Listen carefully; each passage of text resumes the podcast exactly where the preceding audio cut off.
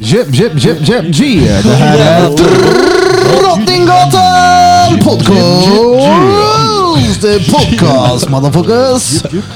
Yeah! Podcast motherfuckers! Yes, där har vi då ett eh, bonusavsnitt ifrån oss på Drottninggatan Podcast till er alla. Idag har vi en gäst med oss på tråden vid namn Marcus Berg som för tillfället sitter bakom lås och bom. För en tid sedan så satt han på Kumlaanstalten där han med hjälp av två vänner spelade in tre stycken låtar.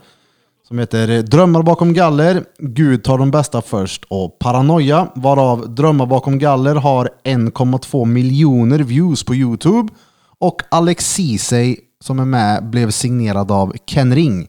Så här lät det när vi hade Marcus Berg med oss på tråden. This is a call from an inmate at kriminalvården. To accept, press hash har vi Marcus Berg. Tjo Ja, Marcus! men tjena, tjena, hallå. Hur lever livet? Ja, här, det flyter på, det flyter på. Gött, gött. Jo, det, jag har eh, som många med mig, vi funderar ju såklart på låtarna som ni spelar in på Kumlaanstalten. Hur- Ja. Hur, många sen, eller hur många år sedan är det nu? Oj, eh, nu ska vi se här. Det var 2015, ja, mellan 2015 och 2016 där vid årsskiftet tror jag. Har jag för mig. Jag inte, det, var, det var ju ett tag sedan så jag är inte helt säker. Men eh, runt där kring. Åh fan. Men eh, alltså shit, vilken jävla fart det tog med de tre låtarna. Det var, hade ni räknat med det genomslaget? Nej, självklart inte. Utan det var ju bara roligt. Så att, eh, det blev ju ett större genomslag än vad vi hade förväntat oss. Men det kan vi ju också tacka många för som har marknadsfört låtarna utan att vi har bett dem och så vidare. Så att, eh, ja, nej, det var kul. Absolut. Men det känns väl ganska skönt va Marcus, att eh, folk pushar musiken ni gjorde för att de verkligen tycker att den är fet som fan också. Utan Ja, precis det är, som du alltid, säger, klart, det är alltid kul. Om, man, om någon gillar någonting som man har gjort så är det klart att det är roligt. Det uppskattar, uppskattar man ju såklart. Alltså jag personligen tycker att det är ju verkligen kvalitet på dem, för jag kan ju lätt sätta mig och lyssna på speciellt Gud tar de bästa först. Den, är, den är riktigt fet. Men hur såg det ut med alltså, musikstudio och sånt? Jag menar i fängelset. Jag tänker inte att ni har värsta Ja, tillgången det var till... ju inte liksom, det var ju inte värsta studion utan det var ju en mick, en, en mick, ett ljudkort, eh, ja, en dator egentligen och eh, ett program då, Logic som vi körde. Så det var väl egentligen det och sen så hade vi ju en gitarr externt och även en synt. Så vi fick ju, synten kunde du koppla in då liksom, och- men gitarren det fick man ju köra gitarren direkt in i, i mikrofonen. Eh, och det, den låten som vi har gjort som heter Drömmar bakom galler, den är ju inspelad på det viset då. Så du menar att alltså, beatet är liksom gjort med en akustisk gitarr framför mikrofonen? Yes, så menar jag. Ja, det är jävligt coolt de- det. Ja, det är Och det, och det är Drömmar bakom galler. För det är endast gitarr. Det är ju ingenting annat än gitarr i den låten liksom. Förutom våra röster då. Så att eh, den är inspelad med tre olika slingor då. Alltså, ja, alltså eh, på tre olika sätt då liksom har, har man eh, kört på gitarr och så har det blivit en schysst melodi då. Om man Alltså det är ju jävligt inspirerande. Alltså att man kan ta, jag menar med de förutsättningarna, det är liksom spela in någonting här, ta en gitarr, sätt dig framför mikrofonen och slå igenom sådär. Det är riktigt jävla coolt alltså. Som fan. Va, men, va, Alltså, det, många, det var ju kul, absolut. Ja. vad många låtar spelar ni in totalt? Alltså som vi spelade in. Vi spelade in totalt fem låtar tillsammans om man säger så. Sen så en låt släppte vi inte. Ja. För vi var inte nöjda med den. Och sen, nu ska vi se här. Jag, jag var med på fyra låtar. Men vi släppte tre av dem. De tre som jag har varit med och spelat in. Det är Drömmar bakom galler. Och sen har vi Gud tar de bästa först. Och sen har vi eh, Paranoia. Paranoia Just ja. det. Och sen har även eh, Alex Ceesay då, som jag gjorde musiken med bland annat. Eh, han gjorde ju en låt själv som heter Murarna viskar mitt namn och det var också i samma veva då. De släpptes ju i samma veva de låtarna. Och sen gjorde även han och Salle, den andra killen som också var med, en låt som heter eh, Hela min klick heter den. Jaha, de är också inspelade där. Ja, så att de fem låtarna då är inspelade där, plus en till som vi aldrig släppte. Men fem låtar pushar vi ut från Kumla då. Den, eh, ja, 2016. Men jag tänker så här Marcus, alltså det måste ju varit en förbannat jävla process också bakom. Det är inte så här, tjena grabbar, vi vill spela in en musik nu och så ger de er en dator och en gitarr och säger kör ni. Men det måste ju ha varit ett jävla krångel med att få var ju igenom en, allt eh, det. det. Ja, alltså det var ju en, en eh, jävla process. Alltså, om man, man kan ju börja, om vi börjar i den änden hur vi fick ens möjligheten att spela in. Det var ju att eh, vi, den avdelningen som vi var på hade inte ens tillgång till en musikstudio till att börja med. Så att, för att vi skulle kunna få ta del av den, då var de tvungna att köra den på en vagn från den av, av, från, eh, ja, själva studion står inne eh, bredvid en gymnastiksal om man säger så. Så vissa avdelningar de har. En gång i veckan får de gå till studion. Vi var inte en av dem så vi hade inte ens rätt att använda studion. Men vi tjatade och skrev sådana här äh, hemställan då heter det. Det är när man frågar om någonting på papper om man säger så.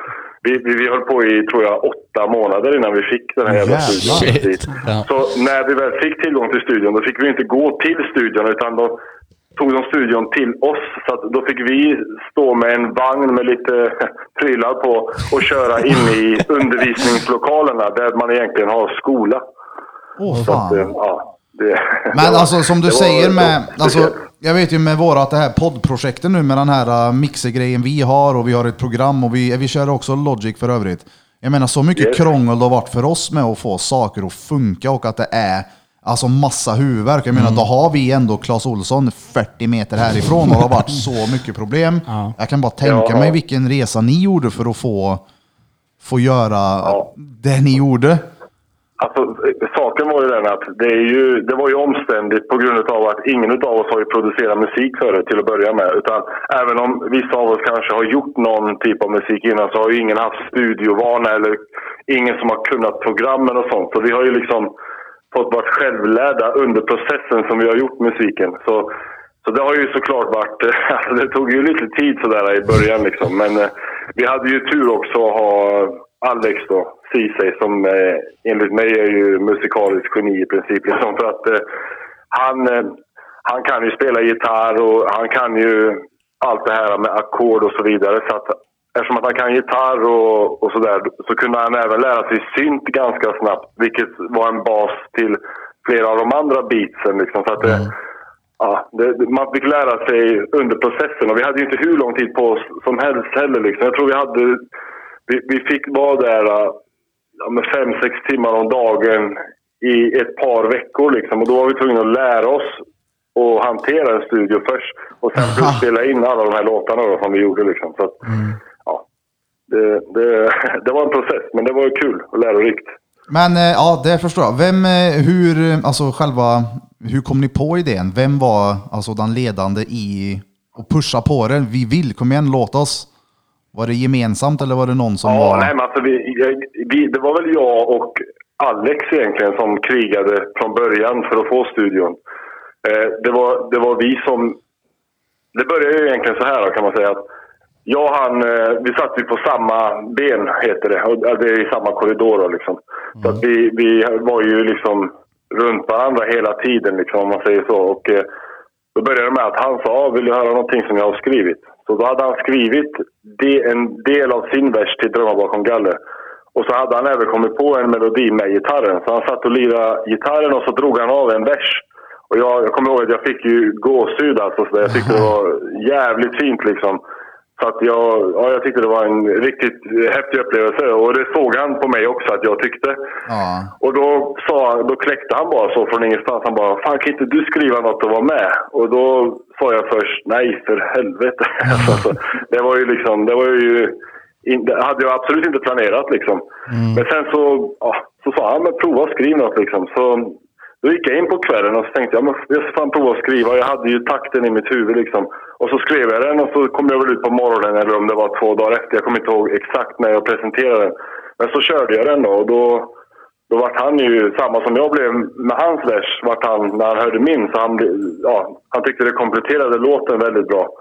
Helt enkelt. Ja, för det vet jag. Ja, det Det, alltså, det vet jag. Du har ju du alltid varit. Du har ju varit duktig på att skriva texter. För du har gjort musik tidigare. Jag menar för eh, många, många år sedan. Så Ja, exakt. När jag mycket var texter som var- där 14-15 år där kanske. Någonting. det var ju ändå kvalitet. Det var ju många som sysslade med musik och mycket var ju skit. Och så hörde man ju några som okej, det här är ju, det finns ju potential i det här. Och Det har vi ju fått, verkligen fått se nu med de här låtarna och som du säger, ifrån Kumlaanstalten. Jo men det är lite ro- roligt med musik. Jag själv pysslar med musik en del och alltså det är skönt när man hör nu när du berättar Marcus den här glädjen i att musik kan göra så jävla mycket för andra människor liksom.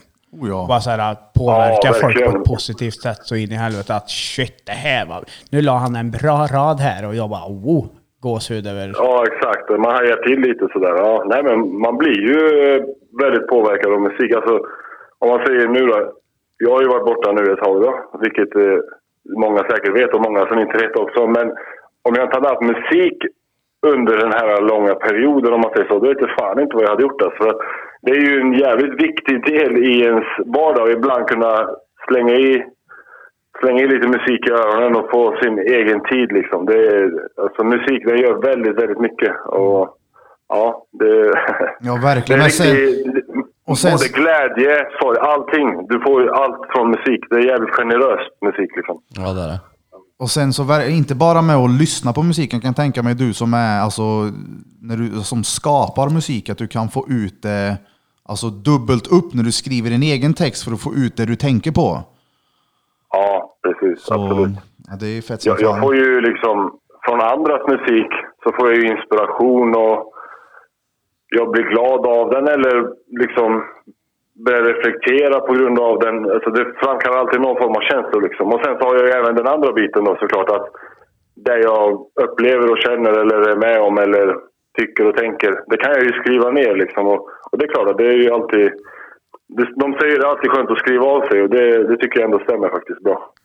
Oh ja. Det är samma sak som jag själv när jag alltså, tatuerar, när man får skapa någonting. Har man gjort någonting som man är alltså, nöjd med, man blir ju typ alltså, manisk, man blir så jävla nöjd över det och kan inte släppa det liksom. Det är skönt att få Ja, det- uttrycka sig kreativt på något sätt, om det är hur man nu än väljer att göra, om det är musik eller en skiss eller en tavla. Ja, jag tror det är väldigt hälsosamt att få alltså, framhäva sin kreativa anda, om man ska säga. Det, det tror jag det tror jag är viktigt för de flesta faktiskt. Oh ja. Vad är vad heter det, sen eh, tankarna när du blir frisläppt med musiken? Eh, ja, det, det är väl lite oklart egentligen. Det har jag väl inte riktigt så planerat jättemycket inför. Utan, eh, men jag, jag, skri, jag skriver ju sådär lite texter ibland och jag har lite liggandes på lager liksom. Så får man se, får man se vad man gör utav det. Sen så vet du vart det Helt finns eh, fyra mikrofoner, en eh, Rodecaster podcast och en eh, Logic i datorn. Du får ju spela in här. men precis, precis. Kan lägga lite rader. Birra är en jävla freestyle king, king alltså. Ja, Shit han vad är han det. håller på. Ja, Det finns så mycket Marcus du har missat nu. Men Kanske ska komma ut och köra en battle mot det jävla fett. Vad helvete! Jaha. Exakt. Nej, nej, men det är kul. Eh, absolut. Det, det kommer säkert bli att man spelar in någonting. Får vi se vilket genomslag det får. Helt enkelt. Men, Men sen eh, så med tanke på att du har eh, gjort låt med Ceesay, har du någon plan eller vision på att spela in något mer med honom? Alltså nu, som sagt, nu har jag ju suttit inne här sen de låtarna släpptes och eh, en bit innan det också. Så att eh, vi har ju inte direkt planerat någonting. Men eh, självklart så skulle jag ju vara öppen för att och samarbeta med han igen. Det var ju jävligt kul och, eh, och det gick ju bra också dessutom. Så, Oh ja. så det, det är nog inte omöjligt. Fan Men du börjar närma dig slutet nu eller, Marcus? På straffen? Ja, nu är det fem månader kvar ungefär. Så nu, nu är det nedförsbacke deluxe här. Eh, eh, men är, är det, jag, jag tänker så här. När man ser målet liksom. Det måste ju vara fan värre nästan än i början eller? Och bara veta att shit nu är det inte långt Det är ju kvar. på olika sätt. Det är, det är ju skönt att veta att yes, nu är det klart snart. Samtidigt, då tänker du ganska mycket på att det är klart snart också. När du åker in om du får en lång volta, liksom, då, då får du ju bara ställa in dig på att ja, det, det är ingen idé att du börjar rita streck på väggarna som de gör i filmer liksom, för varje dag. Så, utan det är bara liksom, du får räkna årstiderna liksom. Helt enkelt. Ja, nu är det vinter, nu är det sommar, nu är det vinter, nu är det sommar. Gött, typ så. Det måste ju vara... slutet då blir, man ju mer, eh, då blir man ju mer insatt i datum och tid och så vidare. Det måste ju vara svårt med, alltså när man är bakom lås och bom, de som sagt rutinerna som man blir tvingade till. Och sen Ja. upprätthålla dem när man kommer hem. För jag menar, du som har varit borta så pass länge som ändå har haft, du går upp då, du får göra det då, gå och lägga dig då. Hur, hur tänker du kring det när du kommer hem sen till frihet? Är det någonting som är stressande? med att alltså- styra över rutinerna själv. För jag menar, jag som egenföretagare och många Mm. vänner till mig som också har eget företag. Det absolut svåraste för dem kontra en som är anställd, det är när du själv bestämmer över dina rutiner. Det är så här, om du jobbar som ja, tatuerare, säg du har en kund 11, men du kan även flytta den till 12. Är du anställd någonstans, då är det alltså 07.00. Kommer du 10 över så då får du en shish kebab. Det är Ja, inte... exakt. Ja. Nej, men jag, jag förstår exakt hur du menar. Och, eh, jag, folk pratar ju mycket så här, ja, institutionsskadad, jag är hit, jag är dit, bla bla bla. Men nej, jag, jag tror att eh, självklart, har du haft fasta rutiner i många, många år så blir det ju en omställning när du kommer ut. Och du kommer ju säkert behålla vissa utav rutinerna, men du kommer säkert också spotta på många utav dem. För att, Ja, ja. ja, nu, nu, nu gör jag som jag vill. Så att, fuck rutiner liksom, ungefär så. Du kommer, varenda jävla dörr som du står vid, kommer du bara ställa dig och öppna den så många gånger du bara orkar för att innan har du får stått och vänta på att någon kommer att öppna den åt dig. Ja, exakt. exakt. tal om- Ser man någon med nyckelknippa, vet du, då blir det ju krokben direkt Ah. den personen. Nej men jag hörde, på tal om institutionsskadad, jag vet inte, det var någon kund som nämnde det, men då var det en kille som hade gjort ett längre straff som eh, han gjorde allt det där framför dörren när han skulle gå ut och då stod han liksom bara och väntade på att dörren skulle öppnas. För han var ju så van med att nu kommer någon och öppnar, men han fick jag här. Ja, nej, men det, det, alltså, det, så kan det bli. Alltså, jag kan ju... Jag, jag gillar ju inte att erkänna det, men jag måste ändå erkänna det ändå. Då, nu, när vi ändå pratar om det. Jag var ju på permis, när jag var på permis faktiskt. eh, Det var väl... eh, Ja, det var första gången jag hade permission, egen permission, alltså utan bevakning av eh, liksom, kriminalvårdare och så. Och den fick jag ju inte förrän jag hade suttit fyra år och åtta månader, vilket är ganska lång tid då, liksom, om du drar ett snitt över hur fort folk lång permis. tid. Ja, det är lång lång tid. tid, Liksom. ja. Så då, alltså, då skulle jag in på ett ställe vet du, och då stannade jag utanför dörren bara. Alltså, som att jag väntade att någon ska komma och öppna dörren. alltså. Sen så bara kom jag på mig själv, så det tog kanske tio sekunder. Så kom jag på mig själv, så började jag skämmas. Så jag gick in. Så det, var, det löste sig bra och fort ändå. Men det sitter ju... Alltså inte en dörrjävel är ju öppen liksom. Om du sitter på slutna anstalter. Så att, Självklart så, alltså det är ju, det är inte en skada är det ju inte, utan det är ju mer en vana skulle jag säga. Och Ja, ja. Du kan ju avvänja dig från den vanan. om man säger Marcus på eh, eh, krogen ska in på toaletten. Hallå, vad gör du in? Han har stått här i en kvart nu. Ja, exakt, exakt.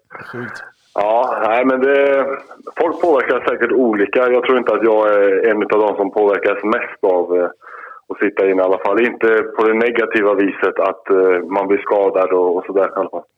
Ja, det är bra. Hur ser en vanlig dag ut då? Jag tänker så här, väldigt många har ju förutfattade meningar av folk som får sitta tid. Att, eh, att liksom, ja, det är på ett visst sätt. Eh, Många är inspirerade av filmer också, så här, så här, tappa tvålen i duschen-grejen. Men hur ser en vanlig dag ut? Hur slår ni er tid liksom?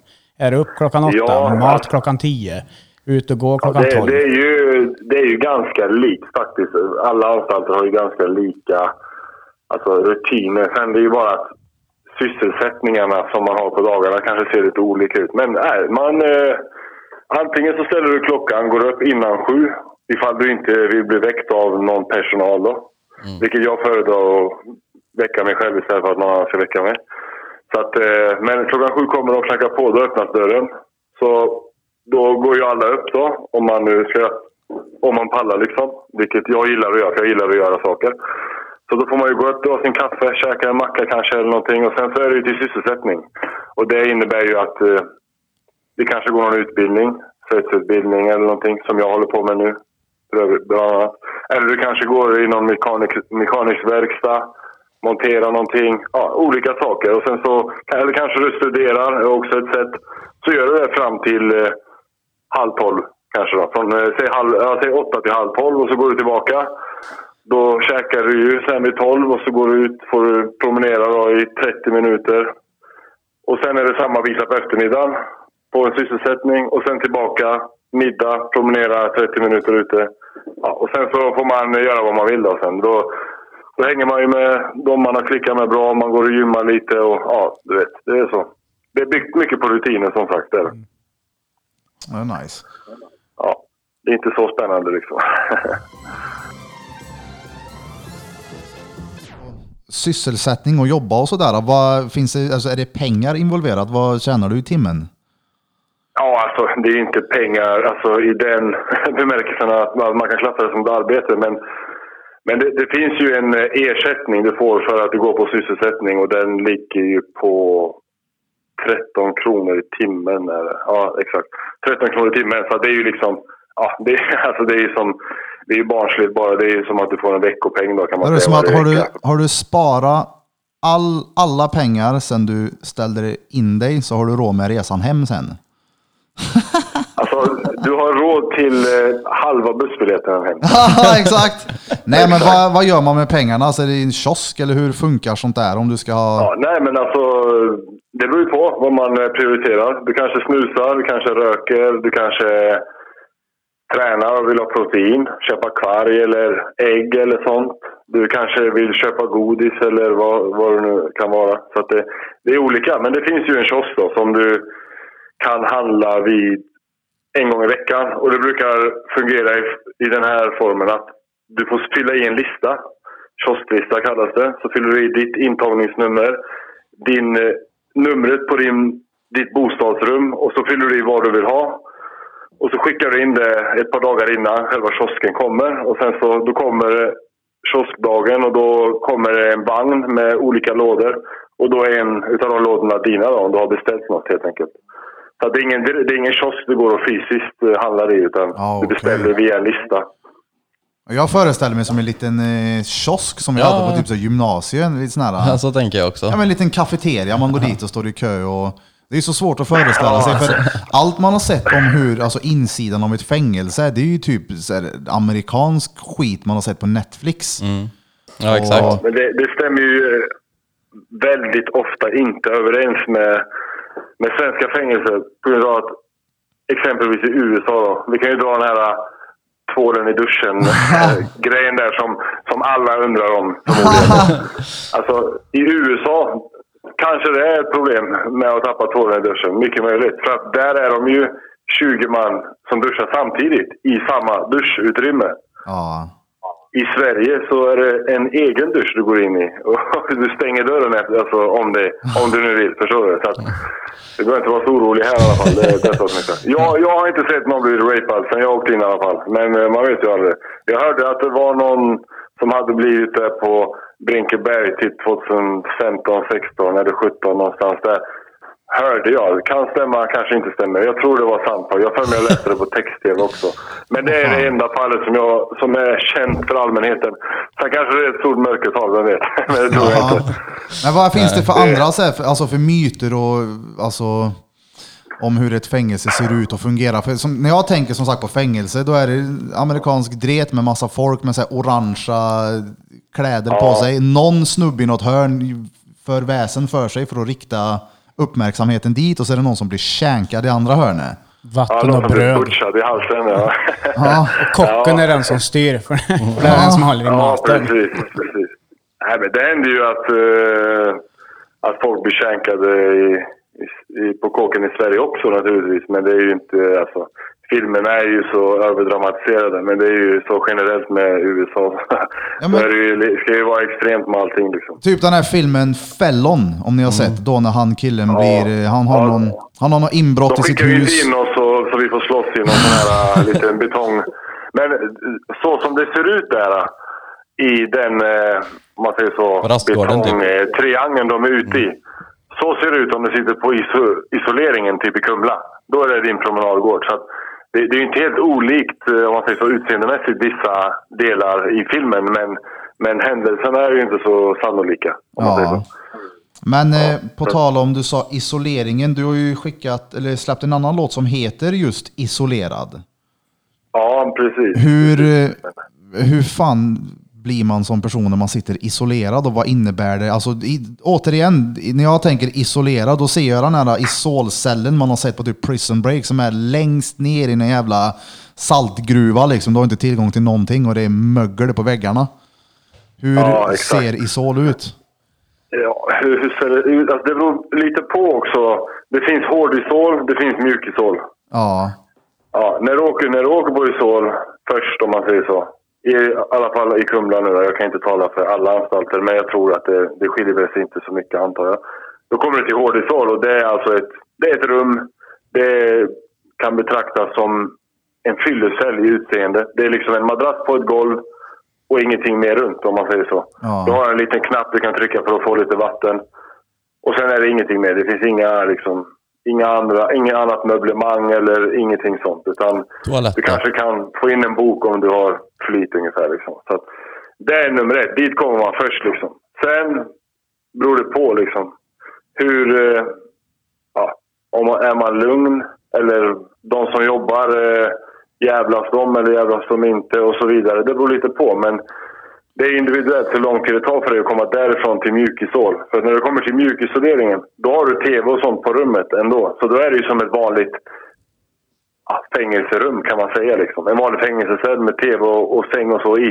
Men du träffar ju ingen annan. Och sen, du är i rummet inlåst 23 timmar om dygnet och du får gå ut i den här tårtbiten med betongmurar på sidorna en timme om dagen. va, Om man säger så. Mm. Åh fan. Men jag tänkte på, alltså, är det liksom när du kommer ifrån, säg att du sitter på din vanliga avdelning, så ska du bli flyttad till isoleringen. Blir det liksom skillnad på hur du blir bemött av eh, alltså personal på fängelse? Liksom behandlar de dig, vad ska man säga? Vill, vill de gärna trycka till lite extra?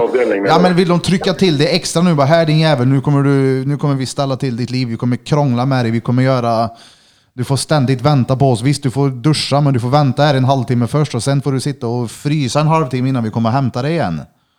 Ja, jo, men så är det ju absolut. De, eh, det, är, det är ganska vanligt. De vill ju jävlas också då. Eh, De, eh, ja, de anser ju att du har kommit dit av en anledning och så vill ju de jävlas liksom. Så att, eh, så att det, så är det ju. Ja. Det finns ju också mycket, de, det är många på avdelningarna som också jävlas liksom. Så att det, ja, det, det är sådär lite maktmissbruk generellt sådär inom, eh, inom kriminalvården. Men det är ju så, folk kan ju inte få ha makt vet du, för det ska ju alltid missbrukas. Ja, tyvärr. jo, tyvärr. Så att, eh, ja, så är det.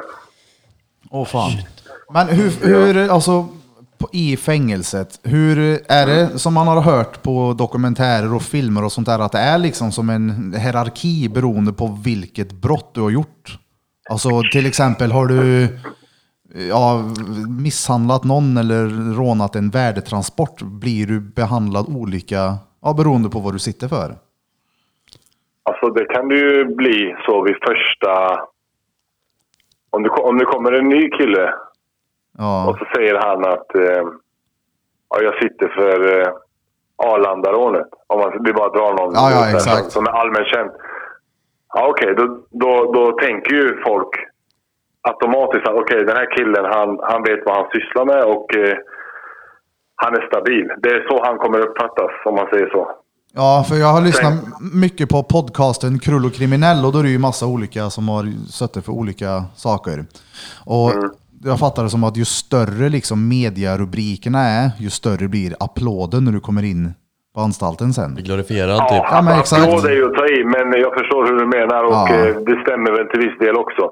Sen, sen jag menar, ja, det, sitter du för mord så kommer ju folk ha mer respekt för dig än om du sitter för eh, misshandel. Alltså, i först, alltså, i, till, till, ifrån början är du med. Men sen så allas karaktärer sätts ju på prov inne i kåken. Det spelar ingen roll vad du sitter för. Du kan sitta för trippelmord eller Ja. rånat, största rånet i historien eller vad fan som helst. Det spelar ingen, det är ändå, din karaktär kommer ändå komma fram. Och i regel är det ju någon stabil individ som ligger bakom större grejer. Men det Ja. behöver inte alltid vara så. så att det, det skiner ju igenom i så fall till slut. Liksom. Exakt. Så. Sen så, Så, har, har du då har du den... Eh, rider någon på ja, men trippelmord eller du vet något sånt där. Om någon rider på den hästen om man säger så, då förväntar ju sig folk också av den personen att den ska göra det ena eller det andra om det blir någonting och så vidare. Så att, ja, det är inte alltid alla uppfyller de grejerna naturligtvis. Så att, eh, men, eh, men sen är det ju också mycket, har någon suttit länge häktad, han har inte pratat och han har hållit käften och de här grejerna. Då har ju folk respekt också för den personen för att då anses han som pålitlig, såklart. För han har ju Mm. inte, han har inte eh, lagt sina grabbar liksom, eller vad man ska säga. Så. Men Exakt. det kan man ju förstå. Men sen så en annan fråga jag har, det men man har ju hört många gånger när det är någon, eh, Alltså våldtäktsman eller pedofil till exempel, någon som är, alltså det är ju, spelar ingen roll vart du än hamnar så är du ju lägst klassad äcklig idiot. Och hör man någon eh, torska för någonting sånt, då är det många som säger att ah, men de borde sätta dem på typ Kumlaanstalten. Ja. Sitter det sånt folk där eller får de, eh, vad ska man säga, sitta på en tryggare, säker anstalt med folk med samma brott? Ja, alltså tyvärr så Sverige har ju valt att agera så här i den frågan att vi värnar om pedofiler och våldtäktsmän. För Vi tycker synd om dem. Så att de får sina egna anstalter, sina egna avdelningar. Varför? Vet ej. Alltså, det, det är ju mycket märkligt att man, eh, att man vill skydda sådana som eh, du vet, eh, går på små barn och sånt. Det, det förstår inte jag. Jag har aldrig förstått, kommer aldrig förstå. Och många med mig också säkert. Men eh, Ja, ja. så ser det i alla fall ut. Att de är skyddade från andra fångar för att de ska inte kunna råka illa ut. De finns på anstalter där det finns, finns andra Likasinnade. som sitter för vanliga grejer. Men de har Ja. sina egna, egna avdelningar och det är inte öppet däremellan. Så de, de möts aldrig liksom rent fysiskt med någon som inte sitter för liknande grejer. Ja, men, exakt. men hur funkar det? Alltså, lek med tanken då att det är en avdelning inne på Kumlaanstalten. Så kommer det en ny kille. Ingen vet vem den här är, men han, har, eh, ja, han sitter för våldtäkt, säg. Hur lång tid... Men, ing, men ingen vet det? Ing, Eller- ingen vet om det. Hur lång tid tar det innan någon vet? Och hur får man reda på det?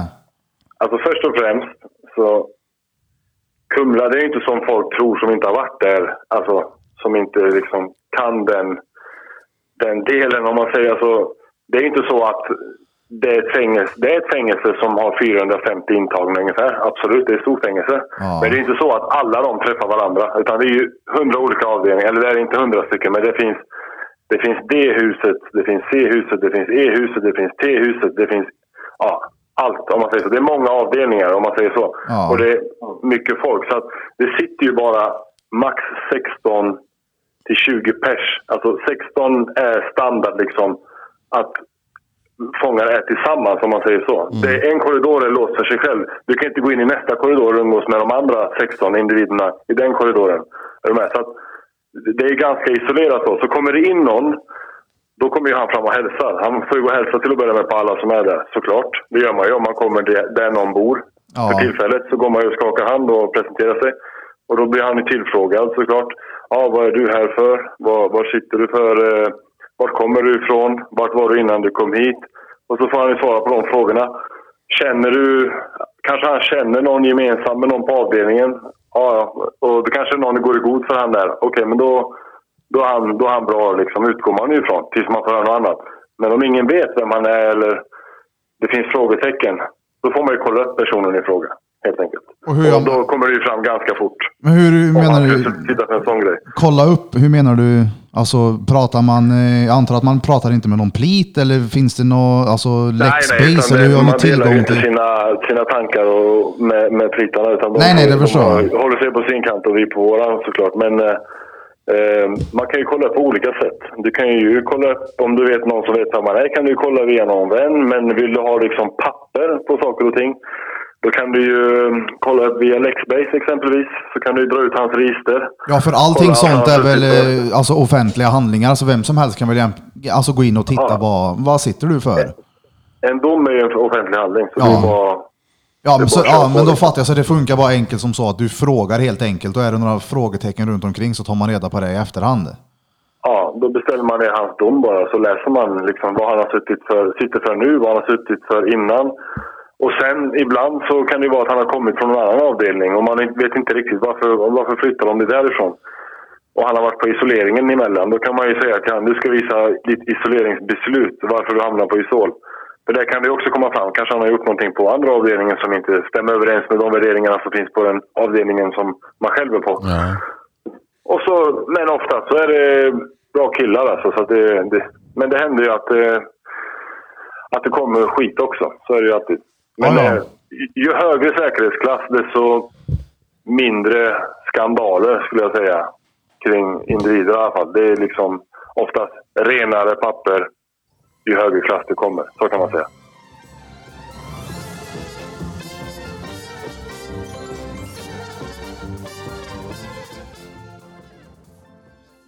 Om ni då upptäcker en person som ni funderar på vad fan sitter han för? Ni misstänker att han eventuellt sitter för våldtäkt eller någonting. Vad, vad händer med honom? Alltså först och främst så det räcker ju inte med att bara misstänka här utan du får ju... Ska man agera så ska man ju ha fakta på bordet. Så att, men skulle det vara så att fakta kommer fram och det visar sig att en kille har suttit för våldtäkt innan eller sitter för det. Nu är det, alltså, han kommer ju aldrig att sitta för det nu för att uh, våldtäktsmän sitter ju på sina egna ställen. Men han kan ju ha suttit för det tidigare, något annat straff. Och då, då kan de skicka honom till vanlig avdelning den här gången. Så att, Ah. men skulle vi få reda på det då, eller nå, någon får reda på det på någon avdelning så skulle jag säga att i alla fall på alla klass 1, alltså de högsta säkerhetsklasserna, då skulle, ja, då skulle folk flyga på honom helt enkelt. Alltså. Så är det. Det är bara in i rummet. Då snackar vi känk. Då, då, den blir känkad alltså. Så är det ju. Alltså du menar Det- det- alltså, man, man kollar liksom upp där personen sitter för senaste straffet. Så säg vi har en kille här nu, vi sitter på samma avdelning. Han är, han är känd för någonting som media blåst upp så in i helvete, där bla bla bla, vad vi nu än ska kalla det, diamantkuppen, fan vet jag. Hur som helst, han, han kommer in på avdelningen, han gör sig vän med allihop och det blir, eh, ja man blir riktigt bra polare med honom. Och sen av någon jävla anledning så kanske kommer in en eh, sjunde kille på anstalten eller avdelningen som vet om han sen tidigare. Ja. Det måste ju bli en jävligt svår sits. Ja, men du menar om den som han redan har blivit vän med visar sig att han har liksom suttit för något sånt konstigt innan då menar du? Ja men, ja men typ som om jag skulle få reda på att Blom skulle få reda, eller om jag skulle få reda på att Blom är någonting här nu som, nu är inte jag en aggressiv person som slåss, men jag kan tänka mig att det finns en och annan som sitter ja, inlåst som är det sån. beror ju på vad, det beror, du måste utveckla. Det beror på vad man får reda på om personen. Är du med? Ja men våldtäkt eller exempel då. pedofil eller någonting riktigt Ja, så här som alltså, du... Det spelar ingen roll hur bra vän man har blivit med någon om, om du får reda på att den personen våldtar kvinnor eller eh, barn eller någonting sånt sjukt. Alltså, då, då finns det, då är det ju bara, det är bara falska vänskapsband uppbyggda Mm. ändå. Är du med? Ja. Så att det, då betyder inte den personen någonting. Alltså då, då kommer han bli liksom jumpad av hela avdelningen. He, oavsett hur bra vän han har blivit med folk.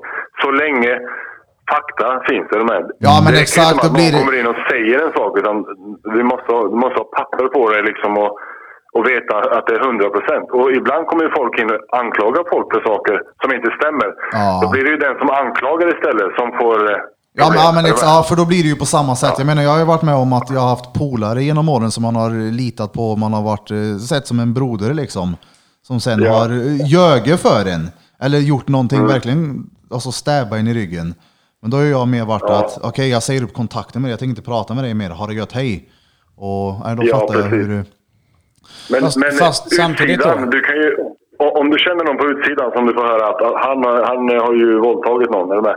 Om du nu inte är en aggressiv person eller om inte du vill hantera honom och ta hand om det problemet. Då kan du ju ändå hålla avstånd från honom. Det behöver ju aldrig ha någonting med honom att göra. Ja. Men nu pratar vi alltså att du ska bo i samma korridor med någon. Då måste du också liksom... Ja, det är klart det blir en, du tvingas att leva tillsammans, det är klart att då blir det ju... Och är man Ja, frustrerad alltså- över någonting annat så ja, ja, då kan man väl... Men det var det, det, var det jag skulle komma till. eh, Hyfsat liknande värderingar med de som du sitter med, annars kommer det inte funka. Och framförallt, alltså, du kan ju inte liksom gå och möta en våldtäktsman och sitta och äta frukost med en våldtäktsman och du vet vad han har gjort, men, men skita i det. Alltså det går ju inte. Det, Ja, är- men, då ja, är du nej. inte normal alltså. Nu fattar jag, alltså det är, när man sätter sig in i det, det är om jag försöker jämföra till exempel om jag skulle jobba med någon på studion som har gjort någonting sånt där, det hade ju absolut inte gått. Nej. Då hade jag ju Jag tagit, den, säga, har det då hade jag ju tagit den auktionshammaren och satt i huvudet på han. Ja, men exakt. Nej, men alltså det, det, är, alltså, och, och det, är ju, det är ju tråkigt också. Det, det är ju det som det är ju kriminalvården. De är lite fula så också. För att vissa, vissa pla- placerar dem... Ja, vänta. Vi ska bara ta en liten break här. De kommer med och ronderar så då ska han trycka på jävla telefonen här inne. Yes. Vad innebär rondera? Rondera innebär att de går in i ditt bostadsrum då, eller din cell eller vad man ska kalla det.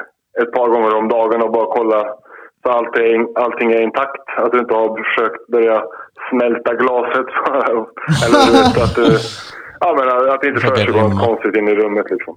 Ja. Ligger Men jag vet inte riktigt vart vi var när, när han kom in. För han bara knackade och gick in. Så att, Ja, ja, men det blir bra. Det är kul att ha lite Ja, men sådana det- här sidospår också. Ja, men vi var där just där Birra sa att ja, men om någon har gjort bort sig så kan jag säga ha det gött, hej. Och sen så gick vi vidare till, ja men det funkar Ja. inte riktigt där du är. Men jag tänkte på, eh, hur funkar det, för även om det kommer in någon då som är likasinnad i sin brottsskala så att säga, men det ändå inte klickar. Hur fan, gör, hur fan gör ni då? Får ni prata då med plitarna och bara hallå, ni måste flytta den här för den här är ju skit Nej, liksom. fan. Alltså, det, det kanske det finns ju absolut folk som gör.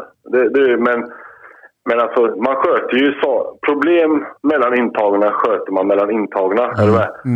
Du springer ju inte till, eh, alltså, du springer inte till eh, plitarna och ber dem lösa dina problem. Är du med? Det är ju liksom som att om du är kriminell på utsidan så ska du springa till polisen och be dem lösa dina konflikter. Alltså förstår du? Det, Ja, det, det, rim, det rimmar ju inte riktigt med, med, med vilken livsstil du har. Varför du har kommit hit om man säger så. Nej, men det förstår jag, det är ju råstörande. Det är ju som om en granne till exempel i, här skulle gnälla till eh, Alltså hyresvärden Ja, ja, liksom, vad fan kommer du inte till mig för så vi kan lösa det emellan? Är Ja. du dum i huvudet eller? Alltså säg till Precis, mig så löser precis. vi det. Ring Ja, men städningsjouren. exakt. Man, man, kan, man har ju svårt att respektera människor som inte vågar ta upp någon, eh, alltså ett problem. Jag menar, vi, vi, alltså så här har vi, ibland så funkar det inte på avdelningen och sånt, absolut. Då, då blir det ju lite knas ibland liksom. Men i regel så, du kommer ju aldrig gilla alla. Nej, Absolut inte. är det Det, finns säkert många som inte har tyckt om mig genom åren och jag har inte heller tyckt om alla genom åren. Men samtidigt, du kommer inte tycka om alla någonstans. Om du är ute i ditt arbetsliv Nej, eller nej. om du är... Du, vart som helst. Du kommer aldrig gilla alla och du måste ju lära dig någonstans att hantera det. Så länge alla ändå visar respekt. Alltså, så här kan det ju vara. att Två gillar inte varandra men de respekterar ändå varandra. Eller? Ja, de Agree får to ändå disagree. funka liksom. Men det är så Man jävla inte mycket och, lättare Man går för inte oss. och eh, stirrar ut varandra liksom och, och beter sig utan vi är ju vuxna människor ändå. Liksom, så, att, eh, så länge inte de, de får ha någon bakomliggande konflikt, kanske från utsidan och sånt, då blir det ju svårare. Då kanske de måste lösa det liksom på plats. Men, men annars så, så men, du får ju, man får ju leva med vissa människor. Men det funkar ju så länge inte de har något sånt i bagaget som vi gick igenom tidigare. Då, alltså att de har gjort någonting som verkligen inte är förenligt med dina åsikter och värderingar. Liksom, om man säger så. Mm. För det är så jävla mycket lättare för oss eh, som är på utsidan om man säger så och bara så här vända ryggen. Men han är en jävla idiot, jag pratar inte med honom liksom. Det, Ja, ja, du det behöver inte visa jobb... samma, samma del av stan som den personen om inte du vill. Liksom. Nej, precis. Och ni sitter ju så jävla tajt. Så. Ja, det blir ju en helt jävla annorlunda grej om man blir verkligen tvingad till att vara på samma ställe. Men säg då Marcus, om, eh, säg att jag nu ska komma, du sitter på Kumla säg, jag ska komma dit. Ja. Och när jag släpps in i avdelningen, hur det nu än funkar, men jag kommer in i avdelningen och det första jag möts är Alltså vet du om att det kommer en, in en ny kille vid 14.00? Eller hur kommer det bara in, bara hej jag heter Erik. Men säg att, ja skitsamma, jag kommer in, jag får ögonkontakt med dig och jag vet att shit, vi kan inte sitta ihop. Och jag, Ja. alltså eh, hur funkar det då? Är det okej, vi flyger på varandra så vi slåss och någon av oss blir flyttad härifrån? Eller hur? Ja, Det beror ju på, det beror på hur du är, eller hur jag är, om man säger så. Ja. Det finns ju olika utgångar på, den, eh, på det här problemet. Snackar vi nu om att det, det är omöjligt att vi kan sitta ihop, eller? Är det där vi liksom... Ja exakt, det går inte. Du och jag, vi kan inte vara... Vi har suttit på samma avdelning en annan gång tidigare och det går liksom inte. Vi kan inte vara under samma tak. Okej, då... då ja. ja, det är, en, det är en spännande situation faktiskt. För att det, det kan ju sluta antingen så här då att vi får lösa det. För jag är ju redan på avdelningen, är med? Jag kommer ju inte gå ifrån den avdelningen liksom, om man säger så. så att, då får ju du då... Då får du, det kommer ju sluta med att du åker från avdelningen ändå. Alltså i slutändan, så länge jag alltså, står på mig där och är i den situationen. För att jag, Ja. det är jag som har suttit med alla de grabbarna på den avdelningen innan. Sen kan ju du välja två vägar. Du kan ju välja att gå in då och så tar du en match med mig exempelvis. Och eh, liksom eh, visar att eh, du gillar inte mig, är du med? Då Ja. kommer du bli förflyttad från avdelningen och jag med då förmodligen eftersom att vi har ju slagits. Då åker vi båda till isoleringen. Det kan du välja om du vill köra den tuffa vägen om man säger så. Sen är det ju många som, som inte har eh, alltså, det våldskapitalet eller vågar eller har de bollarna om man säger så. så att de vänder ju liksom, direkt de ser vänder de ut och så pratar de med personalen. Men det är ju sådana personer som man inte vill ha på en avdelning som springer och pratar med personalen också. Så, att, så att, eh, ja, det, det är väl de två utvägarna egentligen på det. Mm, men det var det jag var ute efter förut lite grann, det här med att gå folk då till personal och bara säga shit här då, jag flyttar på mig. Flyt, Alltså, flyttar här, folk ja, på dem då? Eh, Bara säga okej då? Eller är det bara så här, nej jag gillar läget, du får vara här. Alltså på, på... ja, Jag kan inte tala för alla klass 1-anstalter, jag har inte suttit på alla, men och Kumla har ju suttit länge, ganska länge också. Liksom, så att där tar, ju de, tar de ganska allvarligt på om någon kommer och, och säger liksom att ja, jag måste härifrån. Alltså jag har ju, jag menar, det har ju, folk har ju fått lämna avdelningarna många gånger, liksom, om man säger så, på grund av olika, ja, olika fel kanske de har gjort eller konflikter de har eller ja, vad de sitter för kanske och sådär.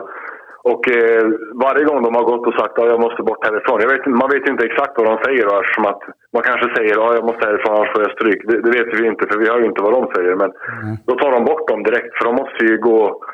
De utgår ju från säkerhetsperspektivet om man säger så. Ja, för släpper de in han igen då och han åker på stryk och fem pers då, då ser det inte så bra ut för dem. Det är väl säkert- säkert därför som de tar allvarligt på det då, skulle jag gissa. Men sen de flesta, ska ju också tilläggas nu då, liksom, att de flesta vill ju ha lugn och ro liksom, och bara sitta och göra, av sitt, göra sin tid. Och det är ju, så är det ju mestadels av tiden. Men sen så har du ju perioder när det är hetsigare. Så är det. Ja, men och det- det, det- spelar ingen roll vem du är eller hur du är, för att du kommer alltid hamna i kläm någon gång och inblandad i någon situation någon gång kommer du alltid bli. Liksom. Så att, även om du sköter det hur bra som helst, det är ofrånkomligt om man säger så. Det är det jag menar med de här alltså, största myterna med att sitta i fängelse. För jag, alltså, jag kan tänka mig att jag som många andra har den bilden av det man har sett i film som Fällon till exempel, att det ständigt är Det är kaos Ja hela men det tiden. är kaos hela tiden liksom. Det är matsalen, det är bråk, någon får en tallrik i huvudet och någon får en gaffel i ögat. Och det är, men jag kan tänka mig som Jo, du men- säger att det är folk ute efter. Det är mycket att- större också där. På filmerna. Så det sitter Ja, ja, det jag tänker så här, det här med matsal och det här exempelvis. Vi kan dra en sån grej nu. Kan vi dra. På de flesta anstalterna så, så är det ju 16 pers i en korridor. Och då har ju ni era, ert kök som ni käkar i, om man säger så. Så att det är ju inte som i USA att alla avdelningar på hela anstalten går in i en stor matsal och käkar och, käkar och alla, alla olika grupperingar och gäng och så vidare ska möta varandra. Det funkar ju inte så. så att, eh, ja, hade det varit så däremot att alla liksom träffar varandra, då hade det ju varit hetsigare såklart. Det finns ju en anledning till varför de har delat upp alla, antar jag. Ja. Men det är lite Förr i tiden att- däremot var det ju så att på Kumla, att när det var promenad och liksom, rast eller vad man säger, då var ju alla ute på samma promenadgård och det var utegym och det var hit och dit.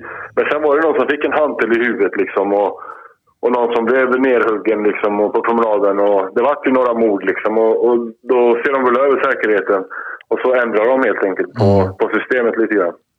Men det är lite skönt att slå ihjäl såna här myter, för precis som du sa tidigare nu, just med Kumla, för det är ju här för folk, ja som det här, "Åh, så Kumla och det är Hall, det är det enda folk vet som tänker att det är ett stort fängelse, precis som vi har pratat om här nu. Men som du sa förut, det är ju egentligen kanske 50 fängelser i samma, eftersom det är uppdelat i avdelningar. Ja. Ja, om man säger så här, om vi, om vi säger Kumla då. Du har alltså en, två, tre, fyra, fem, nio, tio, elva, tolv. Ja, det kan säga som att det, den är uppdelad på 25 avdelningar då, kan man säga. Ja, det är typ Anstalten. 25 olika anstalter då, under samma. Ja. Som en liten by Ja, så. exakt. Jag bodde i Ja, Kumla ja. typ. Ja, exakt. Så. För varje avdelning har ju sin egen också promenadgård med staket och galler och mur och såna här grejer. Så att det är liksom, du, du har ju ingen koppling till de andra husen egentligen överhuvudtaget. Ni ser aldrig dem alls eller? Man, man kan ju se dem eh, alltså när de är ute på deras promenad. Man kan ju se genom fönster och sådär såklart. Ja. Men eh, du möter ju inte dem fysiskt och så vidare. Nej.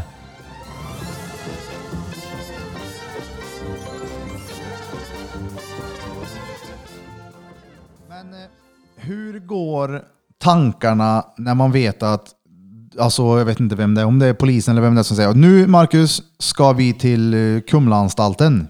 Och om man har den här bilden sedan tidigare, och jag vet inte vad du hade för bild innan om det, om man har, som vi pratade om tidigare, med lunchgrejer, när det är känkat och det är hit och dit och...